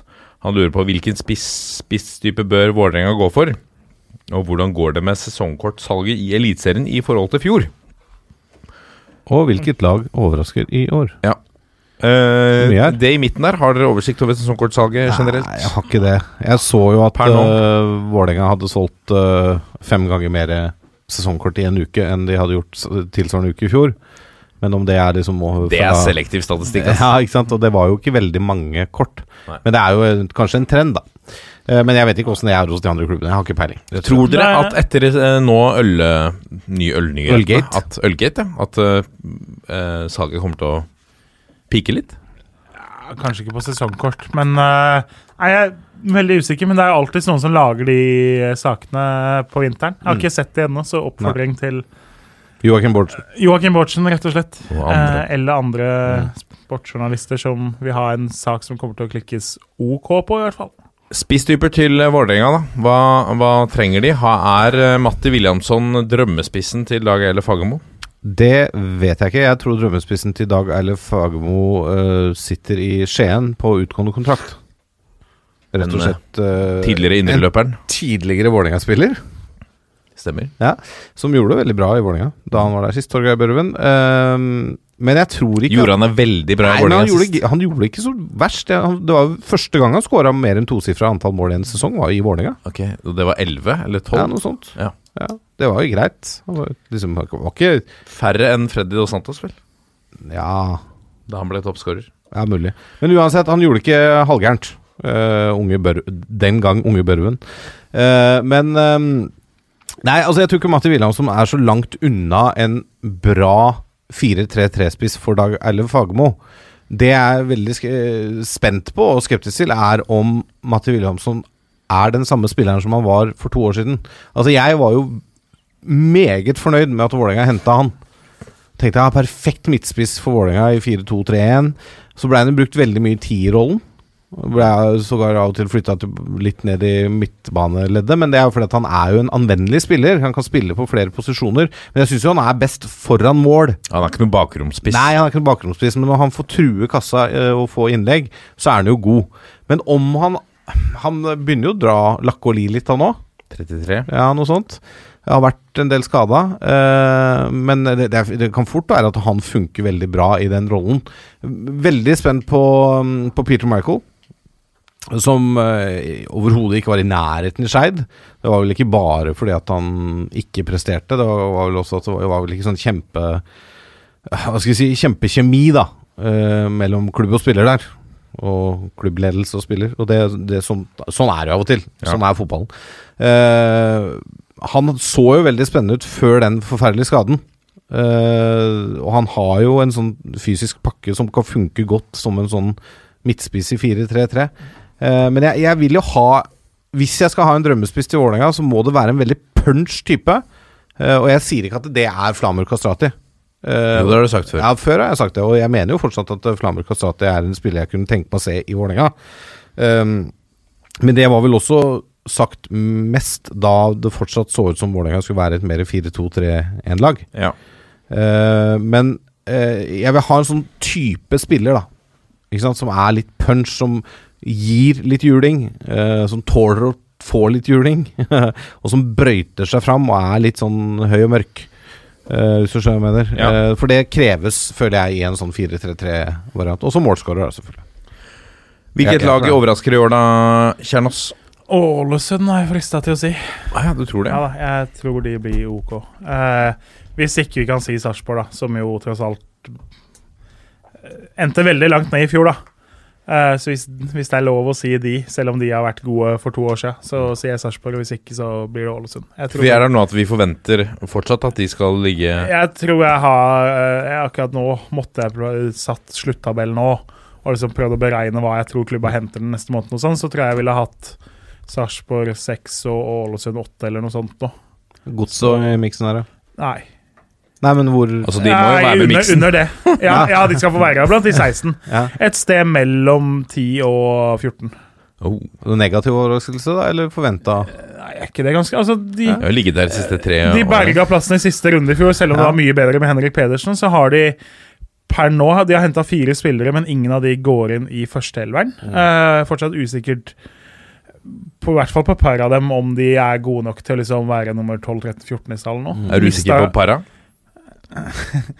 Bom, bom. Eh, mista jo da altså Prosper Mendy er ute med skade Mm. lenge. Mista Glesnes, så de mista halve eh, forsvarsrekka. De har mista Mm. keeper Martin Hansen og skal inn med reservekeeperen. Så det, Mm. noen har jo gått Altså, noen steder så får du veldig lav odds på godset høyt oppe og litt Mm. sånn. Så jeg, for de som spiller litt sånn på sånne ting, håper jeg at de selskapene som har veldig troa på godset, setter opp liksom de som i en duell mot f.eks. Sarpsborg. Mm. når det, når jeg får høyere topp tre-odds på Sarpsborg enn på Godset, så er jeg totalt uenig, f.eks. Ja, nettopp. ja. selv om ingen av de kommer dit. Vi går videre til et spørsmål fra Benjamin Sears. Han sier, eh, sendt på for øvrig toppfotballat451.no jeg er en av de mange som hører på mange forskjellige fotballpodkaster. Hvor mange fotballpodkaster hører dere på? Hører dere på de toppfotballepisodene dere er med på? det er et uh, betimelig og avslørende ja. spørsmål. Hvor narsissistiske er vi? Ja. Nei, uh, jeg hører på en del eh, uh, fotballpodkaster med ujevne mellomrom. Mm. nå er jo jeg i en sånn situasjon at jeg pendler litt. Jeg sitter i bil 50 90 minutter hver vei til jobb uh, hver dag. Da får du med deg litt? Da foretrekker jeg å høre på podkast kontra å høre på musikk, f.eks., og da får jeg jo hørt på litt. Um, når det gjelder å høre på egne episoder, um, av og til Ikke alltid, Fordi jeg sitter jo her og får jo på en måte med meg hva som blir sagt. Mm. Uh, men av og til så er det greit å høre gjennom om man har vært helt ute å kjøre eller uh, sånne ting. Jeg hørte mer på egne episoder tidligere enn jeg gjør nå. Ja, det stemmer. Det stemmer for meg også. Ja, Før så hørte jeg alle. Mm.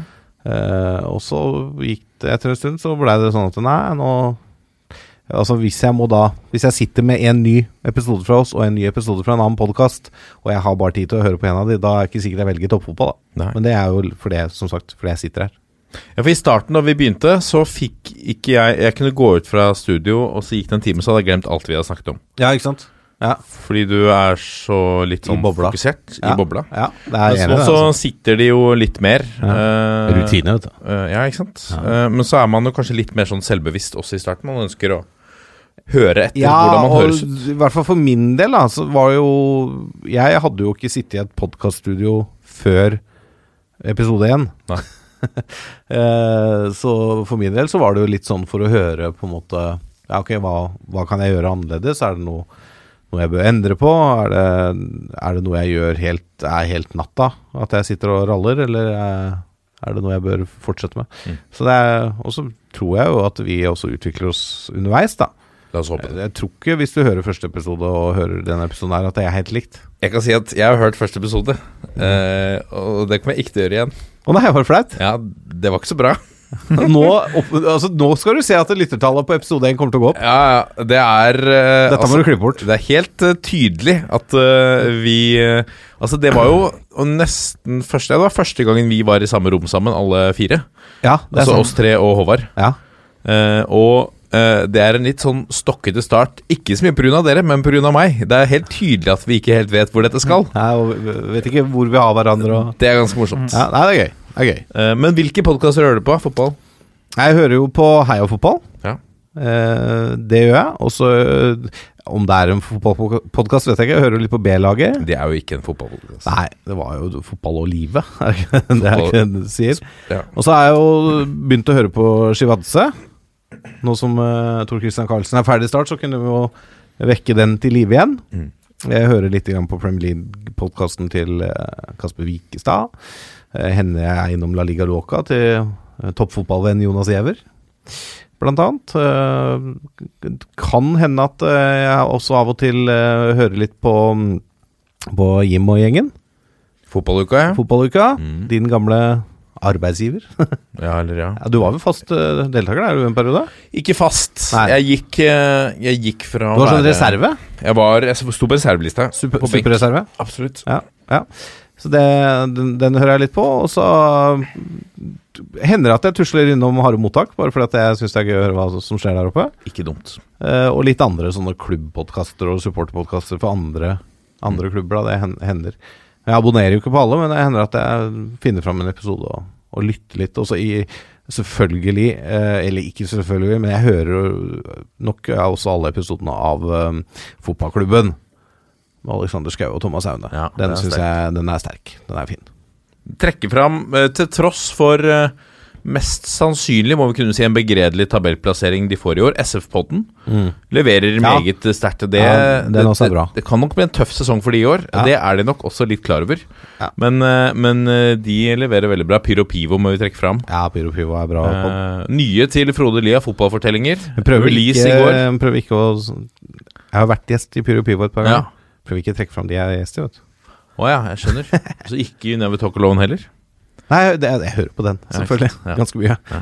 Siden, som folk veit, jeg er litt glad i Liverpool. Du, da har du en hemmelig Har du en hemmelig breddepodkast som liksom er kilden til all eh, din kunnskap, eh, Jørgen? Han eller? har den selv, vi har bare ikke hørt om den. Så du er kilden her? Jeg hører fryktelig litt på podkast. Ja. ja, rett og slett. Hva hører du på da? De gangene noen lurer på hva jeg har snakka om i toppfotball. Nei, jeg så- tenker Når du sitter på toget ja. på vei hjem fra jobb, hva Ja. hører du på da? Nei, Nå tar jeg jo ikke toget, nå jobber jeg jo to minutter unna der jeg bor, så Eh, riktig. Kjempebra svar. Men Ja. hva hører du Tusen takk for svaret. Hva hører du på hvis du må høre på noe? Ja, på da fly, hører da? jeg på øh, musikk. Eller Hva slags musikk, da? Det kommer veldig an på stemninga. Hvis det er i god stemning.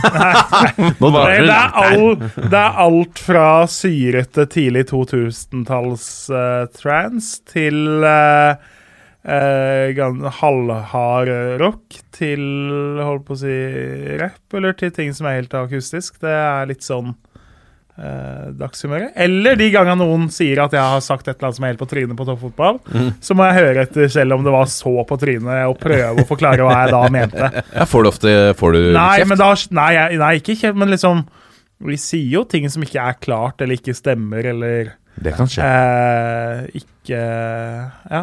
eh, Er, godt, er godt nok argumentert for, da. Ja. Eh, så det har jo skjedd noen ganger, ikke noe liksom sånn ha, at, ufint, men liksom at folk har lurt på hva Hva mente du her, liksom? Og da må jeg jo måtte høre hvordan jeg har ordlagt meg selv, da. Også litt for å prøve å huske det selv, og for å finne ut liksom hvor Mm. hvor det på en måte skorta mellom det som var i huet mitt, og det lytterne har hørt på. da. Kan trekke fram en, en svensk uh, fotballpodkast også, When We Were Kings. Mm. Som tar for seg ulike typer fotballfortellinger. Litt som fotballfortellinger til Frode Lia. Mm. Uh, for eksempel da Roman Abraovic bestemte seg for å gå for Chelsea istedenfor Han bestemte seg for å kjøpe Chelsea istedenfor å kjøpe, kjøpe Tottenham. Ja, ikke sant? uh, og en, en del sånn Hva skjedde da? Hva skjedde i ulike epoker? Eh, det er, eh, kan være interessant. Eh, hva heter skjedde den, med eh, IFK Göteborg og deres fall fra toppen av Europa? Ja, og hva heter den podkasten som uh, Freddy og Hans Erik Fotballytics. Fotballytics, Politics? Ja. Mm. Den, sa det. Den er heller ikke dum. Ja, bra. Ja, Mm. eh, en podkast om podkast, dette. Podcast om Eh, podcast, ja. Vi går videre til. Marius Seldal. Han eh, skriver det har blitt snakket mye om engasjementet rundt norsk ball i det siste. Sandnes Ulf tar imot Viking til åpningen av sin nye arena 13. mars. Det har resultert i at nærmere 1000 mennesker, eller mer, bortebilletter er solgt til denne kampen. Er dette den treningskampen hvor det har blitt solgt flest bortebilletter i Norge? Selvsagt litt spesiell anledning med tanke på åpningen av Østerhus Arena, men fortsatt sterkt å selge 1000 Ja, hvis du dropper sånne supercupfinaler av mer eller mindre offisielt slag, og glemmer sånn Liverpool er på Ullevål og sånne ting, så kan jeg ikke tenke meg at det kan være veldig mange kamper hvor det er flere. Men klart, vi hadde jo ett år her.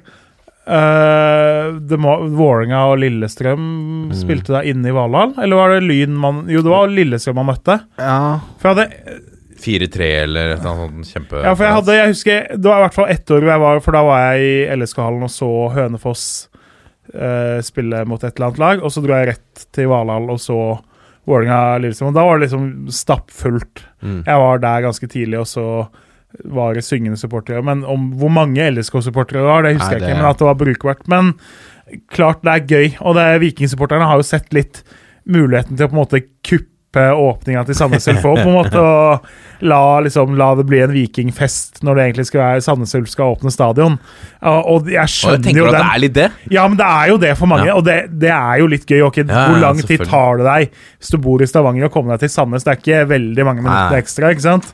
Så at de benytter muligheten til å på en måte erte lillebror litt, sånn på den måten, i tillegg til å se eget lag, da. Eh, og det, det er litt morsomt. Og så er det jo engasjement, da.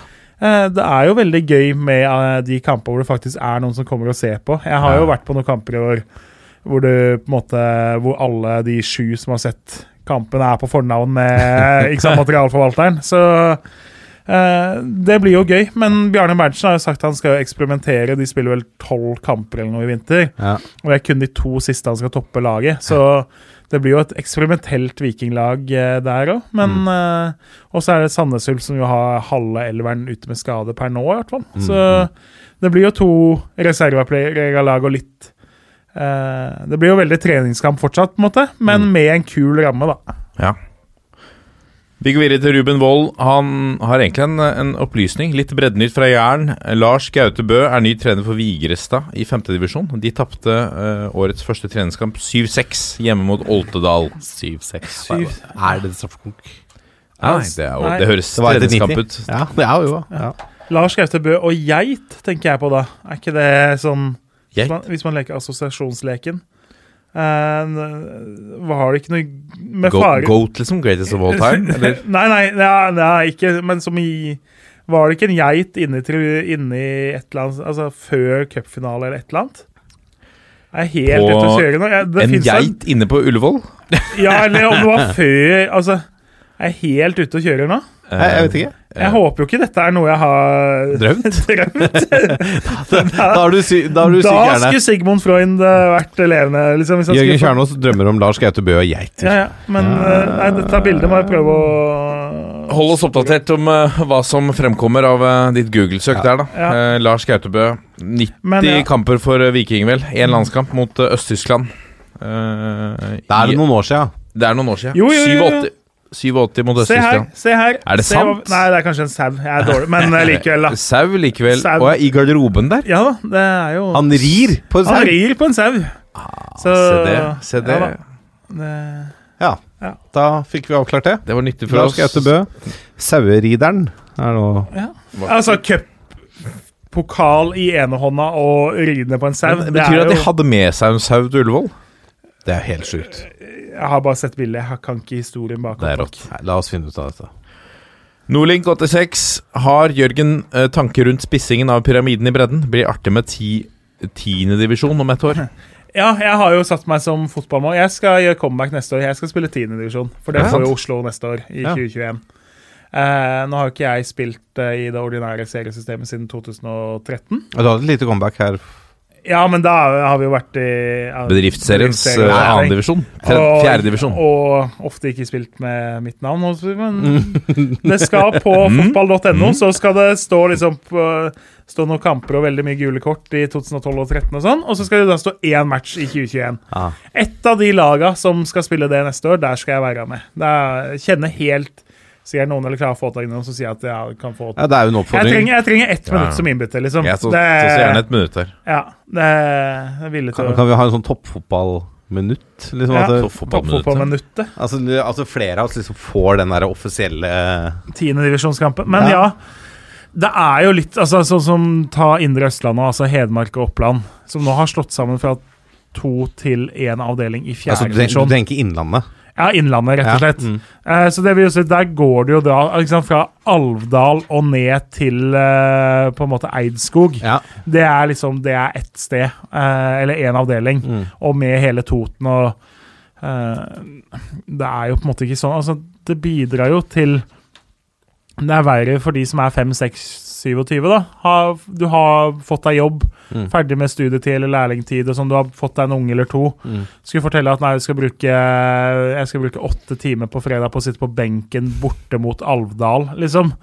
Eh, kanskje jeg får et kvarter på slutten, hvis du vi leder mye eller ligger under mye. Ja. Komme hjem sånn i halv ett-tida på natta. Eh, den er liksom ikke kjempelett å dra hjemme, da. Nei, nei. Og så lag som før da var på nivå fire i norsk fotball og håpa å rykke opp til nivå tre, er nå nede og vaker nede i femte divisjon, noen nede i sjette divisjon, fordi det har blitt skvisa så langt nedover. da. Ja. Og det er tross alt mindre stas for en bygd å ha et vi, er, vi har et femtedivisjonslag enn vi har et tredjedivisjonslag, ikke sant? Eh, gjør det mindre stas for spillere. Du legger kanskje opp tidligere, det er vanskeligere å få sponsorer, det er vanskelig å få med lokalavisa på å gidde å skrive om det. Eh, så jeg syns jo det er synd, da. Eh, så, og som vi har snakka om veldig mange altså, Hele fokuset har jo vært på at norsk fotball skal bli bedre. Man har tenkt på toppen, og så har man på en måte ofra en god del av den sjarmen som breddefotballen har i seg selv, med tredje, og fjerde og femte divisjon. Og mye lokaloppgjør. Nå mister man mange av de naturlige lokaloppgjørene fordi det er færre lag og sånn. Så jeg skulle gjerne hatt en mindre dramatisk spissing enn det har vært. Men med tiendedivisjon, Mm. får vi da en sånn der greie som vi hadde da det liksom var litt stas å være det dårligste laget i norsk fotball? Altså Vredens druer, var det ikke det de het? Ja, jeg, jeg lagde sak på Enebakk i, for seks Var de dårligst? siden. Ja, for da hadde Akershus 9. divisjon som eneste. Eh, og de lå sist og møtte da Hakkadal, som lå nest sist. Eh, det var jo Så man var jo dårlig, så det er noe lag, ikke sant. eh, Litt status er jo det. Og klart, tiendedivisjon nederst der. Da kan ingen slå deg og være dårligst. Nei. Uh, Er det noen som går inn for det, liksom? Å bli det dårligste laget? Nei, men du ser Altså, flyr du rundt i tiendedivisjon og tar null eller ett eller to poeng, så håper jeg du har en god dose selvironi og humor rundt det, for å si det sånn. Litt sånn som han som hadde rykka ned åtte år på rad eller noe sånt. Med forskjellige klubber. Hvert skifter klubb, rykker ned. Skifter klubb. Ja, fin. Vi går videre til et spørsmål fra Kenneth André Sørensen. Han lurer på hva tenker dere om at engasjementet rundt breddeklubbene forsvinner? Og det har han linket opp mot en, en av sine egne tweets. Dagens kommentar må ha vært på Spartabanen i dag. I andre etasje satt Oldboys med sin vanlige fredagspils. I pausa mellom Sparta og SFK klarte en av gutta å spørre om det var trening eller kamp. Snakk om å ha hjerte for klubben sin. Jeg syns det er imponerende da, at uh, de har klart å innføre denne pilsen på stadion allerede. var det- det tenkte. Der er det jo en foregangsklubb uten like i Absolutt. Sparta. Eh, Dårlige ambassadører for å, for å eh, Ja. kunne liksom Nei, jeg, det er si vanskelig å si. Jeg trodde jo Sparta SFK var liksom et sånt oppgjør som selv om det var en treningskamp, så fyrte man Ja, ja. greit opp til de kampene, på en måte. Uh, så det er jo litt stusslig hvis ikke det skjer mer. Og det liksom, altså, For noen år siden så var jo det tredjedivisjonsoppgjør. Nå roter de jo nede i fjerde og femte. ikke sant? Det er så langt ned at du mister liksom mister jo automatisk litt av engasjementet rundt det. da. Sånn Apropos det vi snakka om på forrige spørsmål. Og så tror jeg det er eh, kanskje spesielt vanskelig i byer og områder som har toppklubber. Mm. At de på en måte breddeklubbene ned i divisjonen skaper veldig mye engasjement. Da, for det er naturlig at man begynner å følge litt mer med på eliteserie- eller Obos-ligaklubben. Mm.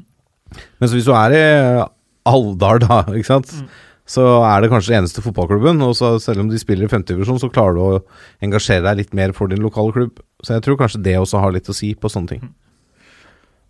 Adidas-mannen lurer på hvorfor selger man ikke gulrøtter i løsvekt? Og her ble jo eh, raste jo podkasten Harde mottak eh, mot dette spørsmålet, fordi at de fikk jo også samme spørsmålet i, eh, til sin episode. Nei, de synes jo kanskje at det var Jeg lurer på om han har stilt samme spørsmålet til uh, fotballklubben nå. Flere Å, har de det? Ja, så det jeg går vel litt på at det er litt lite kreativt, da. Jeg vet ikke. Ja, Hvorfor tror dere ikke man selger gulrøtter? For han, han mener virker som han, han mener at han har svaret. Jeg skjønner ikke analogien. Jeg sier det ikke smart nok. Men uh, Er det, Er det liksom er- Nei, jeg veit ikke. Uh, ja, så kanskje du ikke har, trenger en hel pose? jeg er jo enig. bunn? Det er jo ofte jeg må pælme et par gulrøtter Ja. fordi det er liksom tolv i posen og sånn. Ja. Og vi klarer jo liksom ikke Ja, altså hvis vi skal Men- Nå er jo dette heller ikke en matsvinnpod, da, men hvis vi skal eh, begrense matsvinn i Norge, så kanskje man bør selge gulrøtter i løs vekt. Jeg støtter det. Ja. Jeg kommer ikke til å gå i fakkeltog, Nei. men jeg støtter det. Sånn. Ja. jeg, jeg føler meg litt sånn opposisjons, opposisjonspolitiker, heter det. Det var et veldig vanskelig ord. Ja. Uh, jeg, jeg er for alt som høres bra ut. Er det ikke det man er i Ja. valgår? Så det, dette høres bra ut, jeg er for. Ja, det er bra.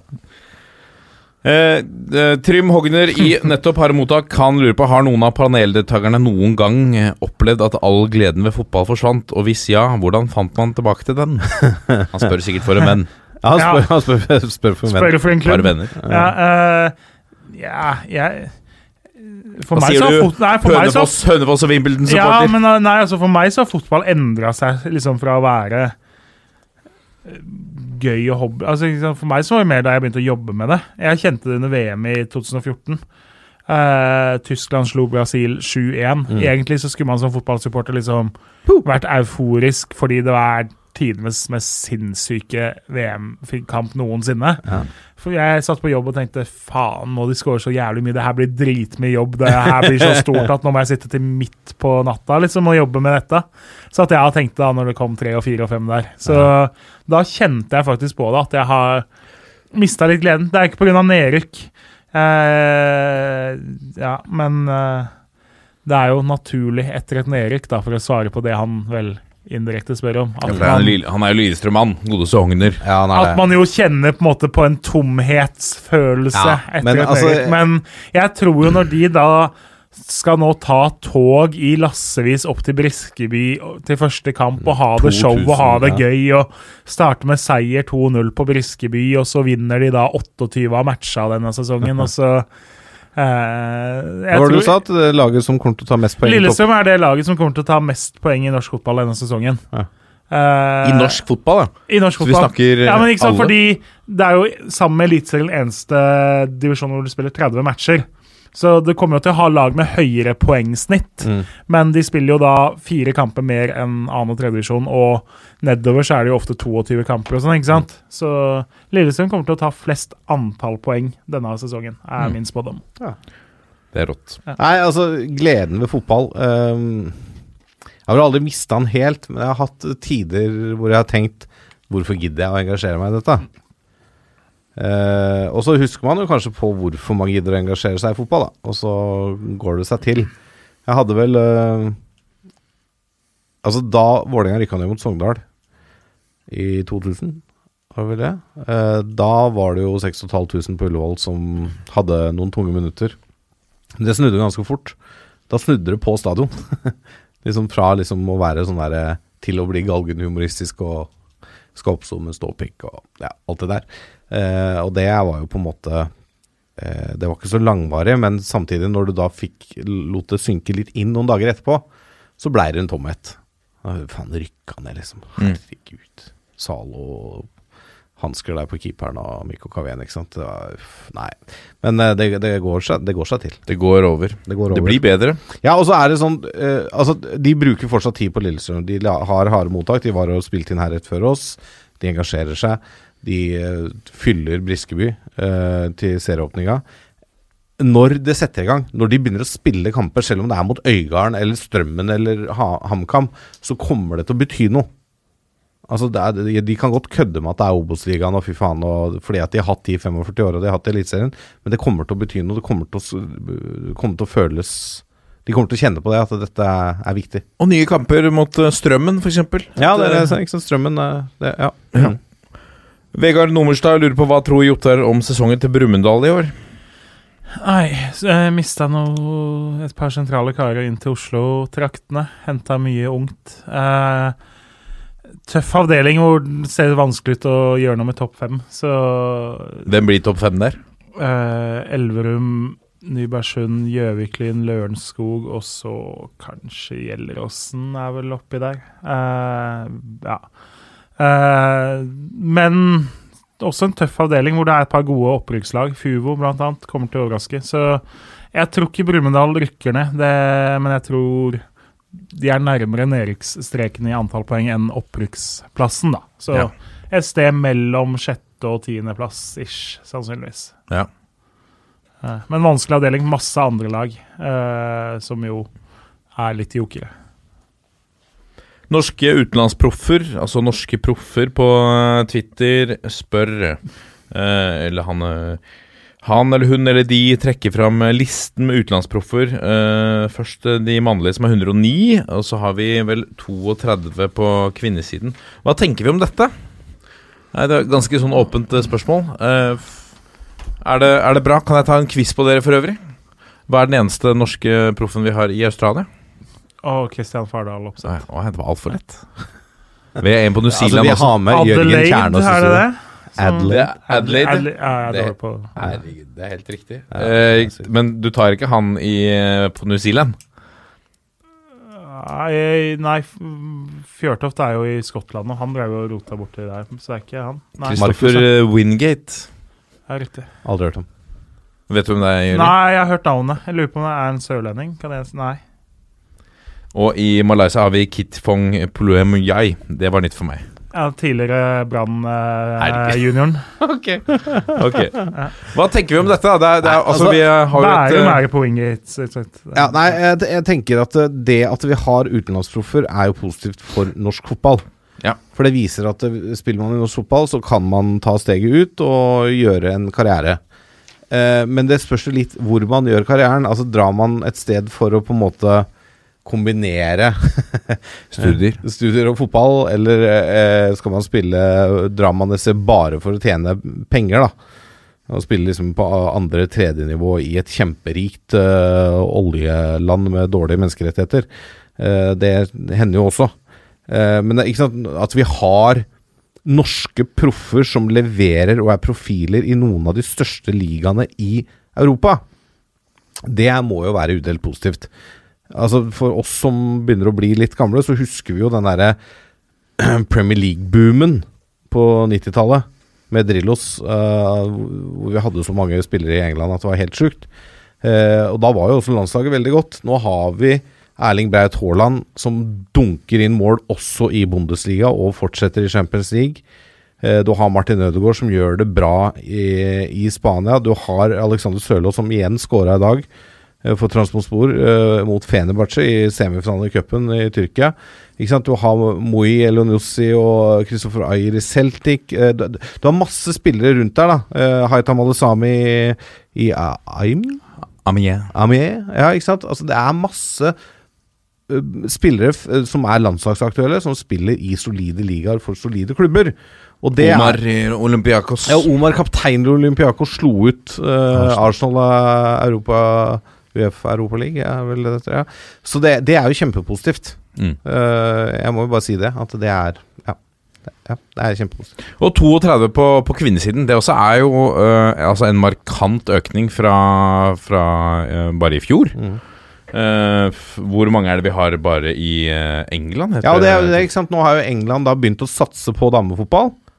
Ja. Og da henter de De har penger, de har solide klubber i ryggen. Chelsea, FC Women, eh, Liverpool Women altså, det, det er, United, vi har tre i Redding. Det er jo stort sett liksom de samme klubba som du ser i toppen av herrenes Premier League, som jo hevder seg for damene. Ja. Så, Nei, veldig lovende, veldig spennende, uten uh, tvil. Vi går videre til uh, et spørsmål fra Uh, Marius Sletten. Han uh, uh, lurer på den evige debatten om reservelaget i lavere divisjoner.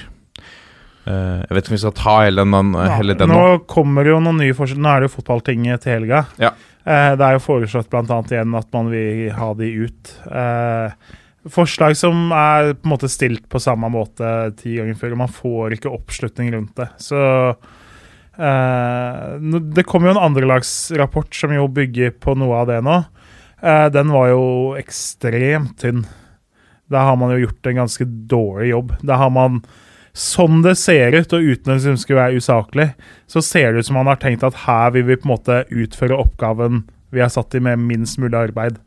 Jeg har gjort ganske mye semesteroppgaver som student og følte liksom Du Feelinga er fader, klokka er ti på kvelden, skal leveres før klokka tolv på dagen i morgen. Kanskje- Skrive konklusjonen La- rett før du ja, skal legge Kjøre på konklusjonen, vær, ikke være veldig kildekritisk. Eh, de har da som Det er satt inn Det er mye mennesker som mener det samme og er positive. Eh, man har kontakta tre klubber. De kontakta Bossekopp damer, Raufoss damer og Brodd, tredjedivisjon. Eh, via e-post og lurte på om de ville mene noe om eh, andre lag. Gadd ikke kontakte liksom de 148 andre laga, eller gadd ikke ta hensyn til 4., 5., 6., 7. divisjon, på en måte. Eh, spurte tre klubber om de ville si noe. Uh, hadde to møter, skrev rapporten, kom med et par forslag som har minimal effekt. Så jeg hadde jo i hvert fall håpa at man fikk en mer nyansert og grundig rapport som tok for seg flere aspekter da, av andre lagene, og plusser og minuser. For det var jo mandatet fotballtingen ga i fjor. Man skulle sette seg ned et, nedvalg, nei, et utvalg som vurderte plusser og minuser ved andre lagene, og så får du da på en måte fem sider med Hvem er det som satte dette utvalget, da? eh, litt forskjellig fra divisjonsforeningen og fra fotballforbundet og litt sånn. Så det Slett arbeid, da. Ja, rett og slett ikke på en måte dypt ned i materien. Bare skumma overflaten og landa på blant annet at eh, et par forslag som får veldig lite innvirkning på hvordan virkeligheten blir. Blant annet at nå kan jo andredivisjonslagene ha andrelaget sitt i tredjedivisjon. De har ikke restriksjoner på hvor mange spillere over 21 år de kan bruke. Sånn som lagene fra førstedivisjon og Eliteserien har. Nå er det foreslått at de skal få det òg.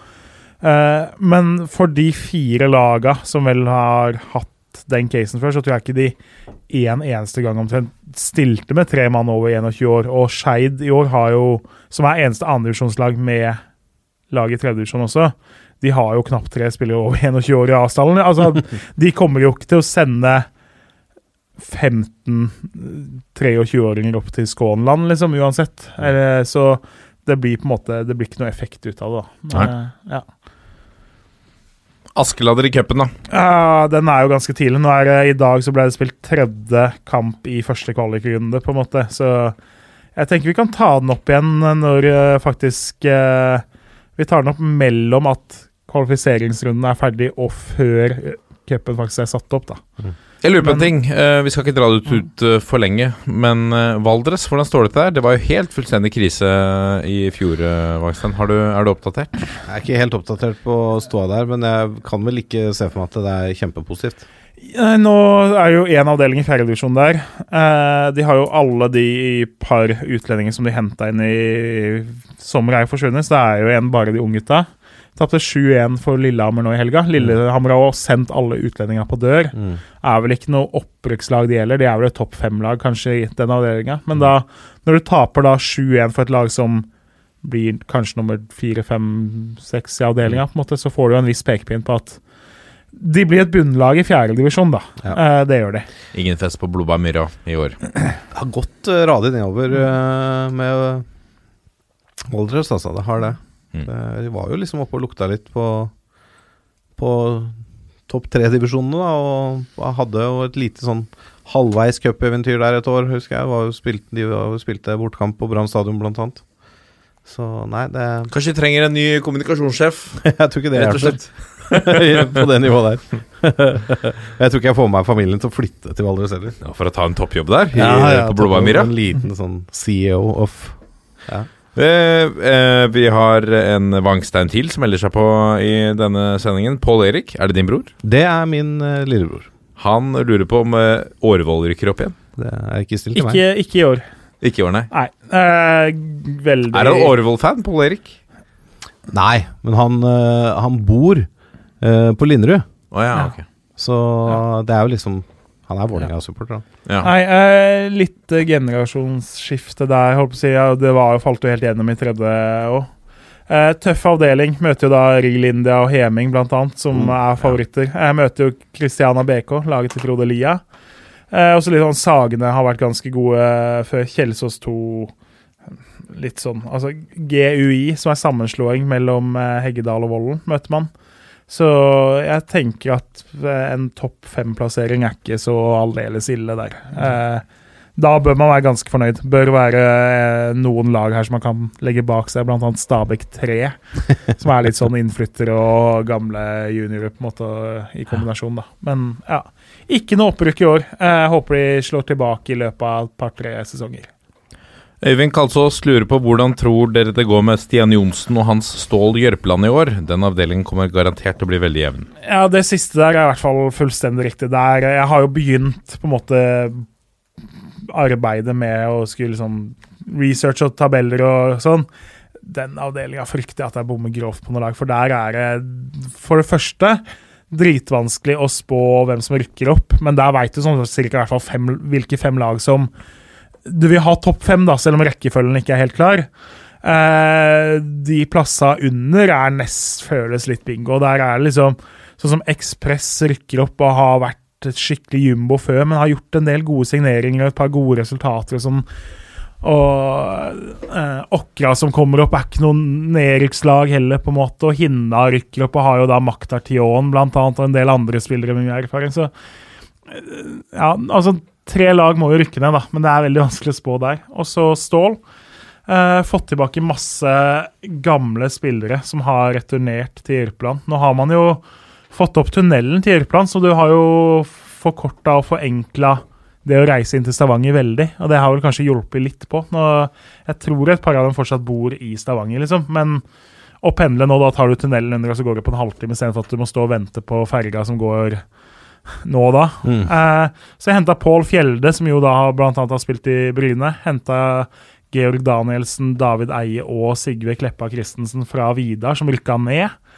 Eh, Ivan Øydvin, som da har vært spiss i junioravdelinga til Viking, annet. Og så har de beholdt de aller fleste ellers. Så fikk de juling, litt, eh, fikk en liten leksjon av Sola her og tapte 2-5 for en liten stund siden, som kanskje er den største favoritten akkurat nå. Eh, Stål bør være topp tre der, eh, egentlig, for at de skal være helt fornøyd. Men og, eh, blir, blir et sted mellom én og fem. Det gjør de. tipper jeg. Så et spørsmål fra Olai Årdal, og nå skal du veldig kjapt, uten å tenke deg om Lasse Wangstein, topp fire i Eliteserien i år. Eh, Molde, Rosenborg eh, Ikke tenk seg om. Nei, eh, Glimt og Sarpsborg. Oi, jøss. Spennende. Blomster. Det er ikke så dårlig, det. For, eh, for Glimt der. Ja. Interessant. To Obos, år på da? rad, da. Ja, to år på rad. ja. Det er riktig. Obos, da, Kjernås, samme oppgave. Lillestrøm, Tromsø, Sogndal, Sandnes Ulf. Ja. Angra litt på Sogndal og Tromsø-plasseringa, men det får gå. Sats på, sats på Tromsø henter en god spiss nå den neste måneden, så, blir, så står jeg for den. Ja. Bra. Glad jeg ikke fikk uh, den. Um, Ranheim kanskje inni, men ja. Femte. Daniel Gunnhus, hva tenker Jotter om Lyns opprykkssjanser i år? Nei, nå er det jo mye turer bort til Hordaland, da. Eh, og man har eh, igjen en del eh, endringer i troppen. Uh, Lysekloster blir ganske klar favoritt der. Og så får man litt hjelp av at eh, Fyllingsdalen annet eh, ikke blir like sterk som det har vært tidligere. Mista mange spillere annet til Lysekloster og ikke liksom kommer til å hente på samme nivået. Eh, Lysekloster og hva var den andre klubben igjen? De med masse masse penger. Har alle pengene brukt opp eh, oppi der? Brattvåg og Lysekloster møttes. Brattvåg er jo i andre divisjon. Ja. Eh, kan bli OK nok i år. Men Lysekloster henter jo masse spillere fra de andre toppklubbene i tredje divisjon og henter spillere som burde vært i andre divisjon. Mm. Eh, de er klar favoritt, men så har de jo snubla med omtrent samme forutsetningene nå et par sesonger. Eh, så har jo, ikke sant, altså Frigg bør bli skarpere enn i år. Fana blir ganske gode. Men uh, uh, Lyn hadde jo en elendig 2019-sesong. Og så har de jo nå en del gode spillere. Altså Eirik Haugstad, Øyvind Knutsen, Ulrik Bergland, ikke minst. De har spillere som er for gode egentlig for det nivået her. Og så er det en for ujevn tropp. Eh, jeg, jeg tror Lyn definitivt blir bedre å plukke flere poeng i år, men jeg tror de fortsatt er et godt stykke unna opprykk, sånn ting ser ut nå. Fått seg ny fysisk trener òg. Kjetil Wæler. Ja, stemmer det. Ja. Han har gått dit, han. Ja, han jobber litt for det, i hvert fall. Ja. Men uh, har Lyn mye kamper i Nord-Norge? Nei, bare Hor Hordaland i år. Ja, Det er jo veldig bra, da, for de uttalte jo i fjor at de ikke fiksa å spille nord for Trondheim. Å ja. Det skjedde, skjedde noe med en gang de passerte Midt-Norge. Da Det er Ja, merkelig det uttalelse er fra vel klubben. de og Frigg og Reddy, vel. Og så er det elleve lag fra uh, Hordaland. Hordaland og Sogn og Fjordane. Ja. Riktig. Jeg skjønner. Mm. Ja, ja. Vi går videre til eh, et spørsmål fra Christian Løvhaug. Kan bli en sabla tøff kamp om opprykk i tredje divisjon avdeling 2. FK Eik Tønsberg øh, med Ronny Johnsen og Flint med Jon Arne Riise. Hatkamper mot Ørn Horten. Oppsal med ny trener. Hva med Follo og Hønefoss? Tanker? Ja, den blir veldig tøff i toppen. Og den blir jo eh, når du får 16. mai-kamp der i Tønsberg, og de lager show på Foynhagen dagen før. og eh, Sånn så kommer det til å bli bra med oppmerksomhet rundt kampa der. Eh, begge laga henter Eik henter jo ikke så mye nytt, for de henter jo stort sett fra FK Tønsberg og fra Eik Tønsberg. Men på en måte eh, skal slå sammen en ganske ny tropp. da Flint har en del utskiftninger, og så kommer jo Riise inn som trener. Jeg, for meg så er jo altså Hønefoss er jo favoritt i denne avdelinga. Eh, så har man slitt litt med skader også i oppkjøringa. Fått merke Jeg har ikke all verdens resultater. Slo så vidt Fjøra nå sist. Tapt for Gjelleråsen. Gikk fra å lede 2-0 til å tape 3-2 for nettopp Flint. Eh, men har den beste stallen, kommer til å hente litt til og kommer til å være favoritt. Og så er Eik for meg den største utfordreren. Og så har du Flint og Ørn kanskje rett bak der. Eh, Ørn har vel litt ubesvarte spørsmål ennå, bl.a. om Zalo. Som jo er kanskje divisjonens, i hvert fall avdelingas beste stopper, da, om han blir værende Ja, på papiret så var han ikke helt Neida. der oppe i fjor, Men men, uh, har jo et potensial og kvalitet som man trenger, da. absolutt.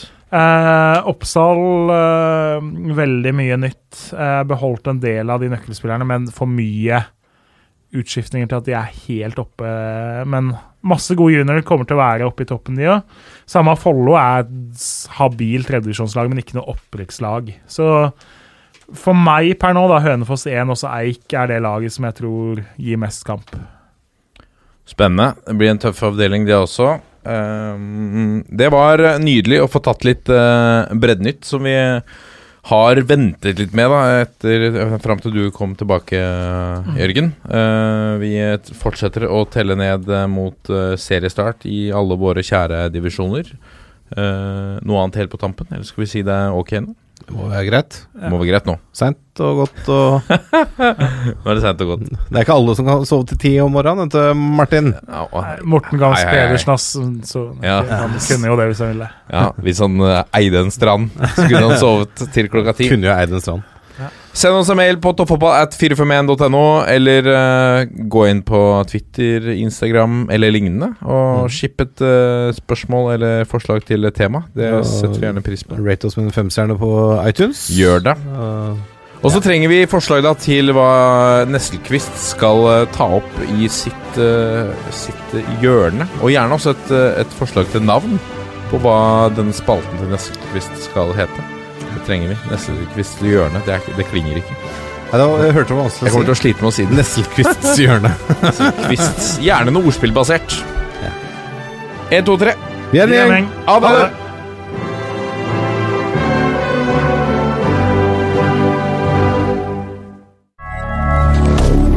Moderne media.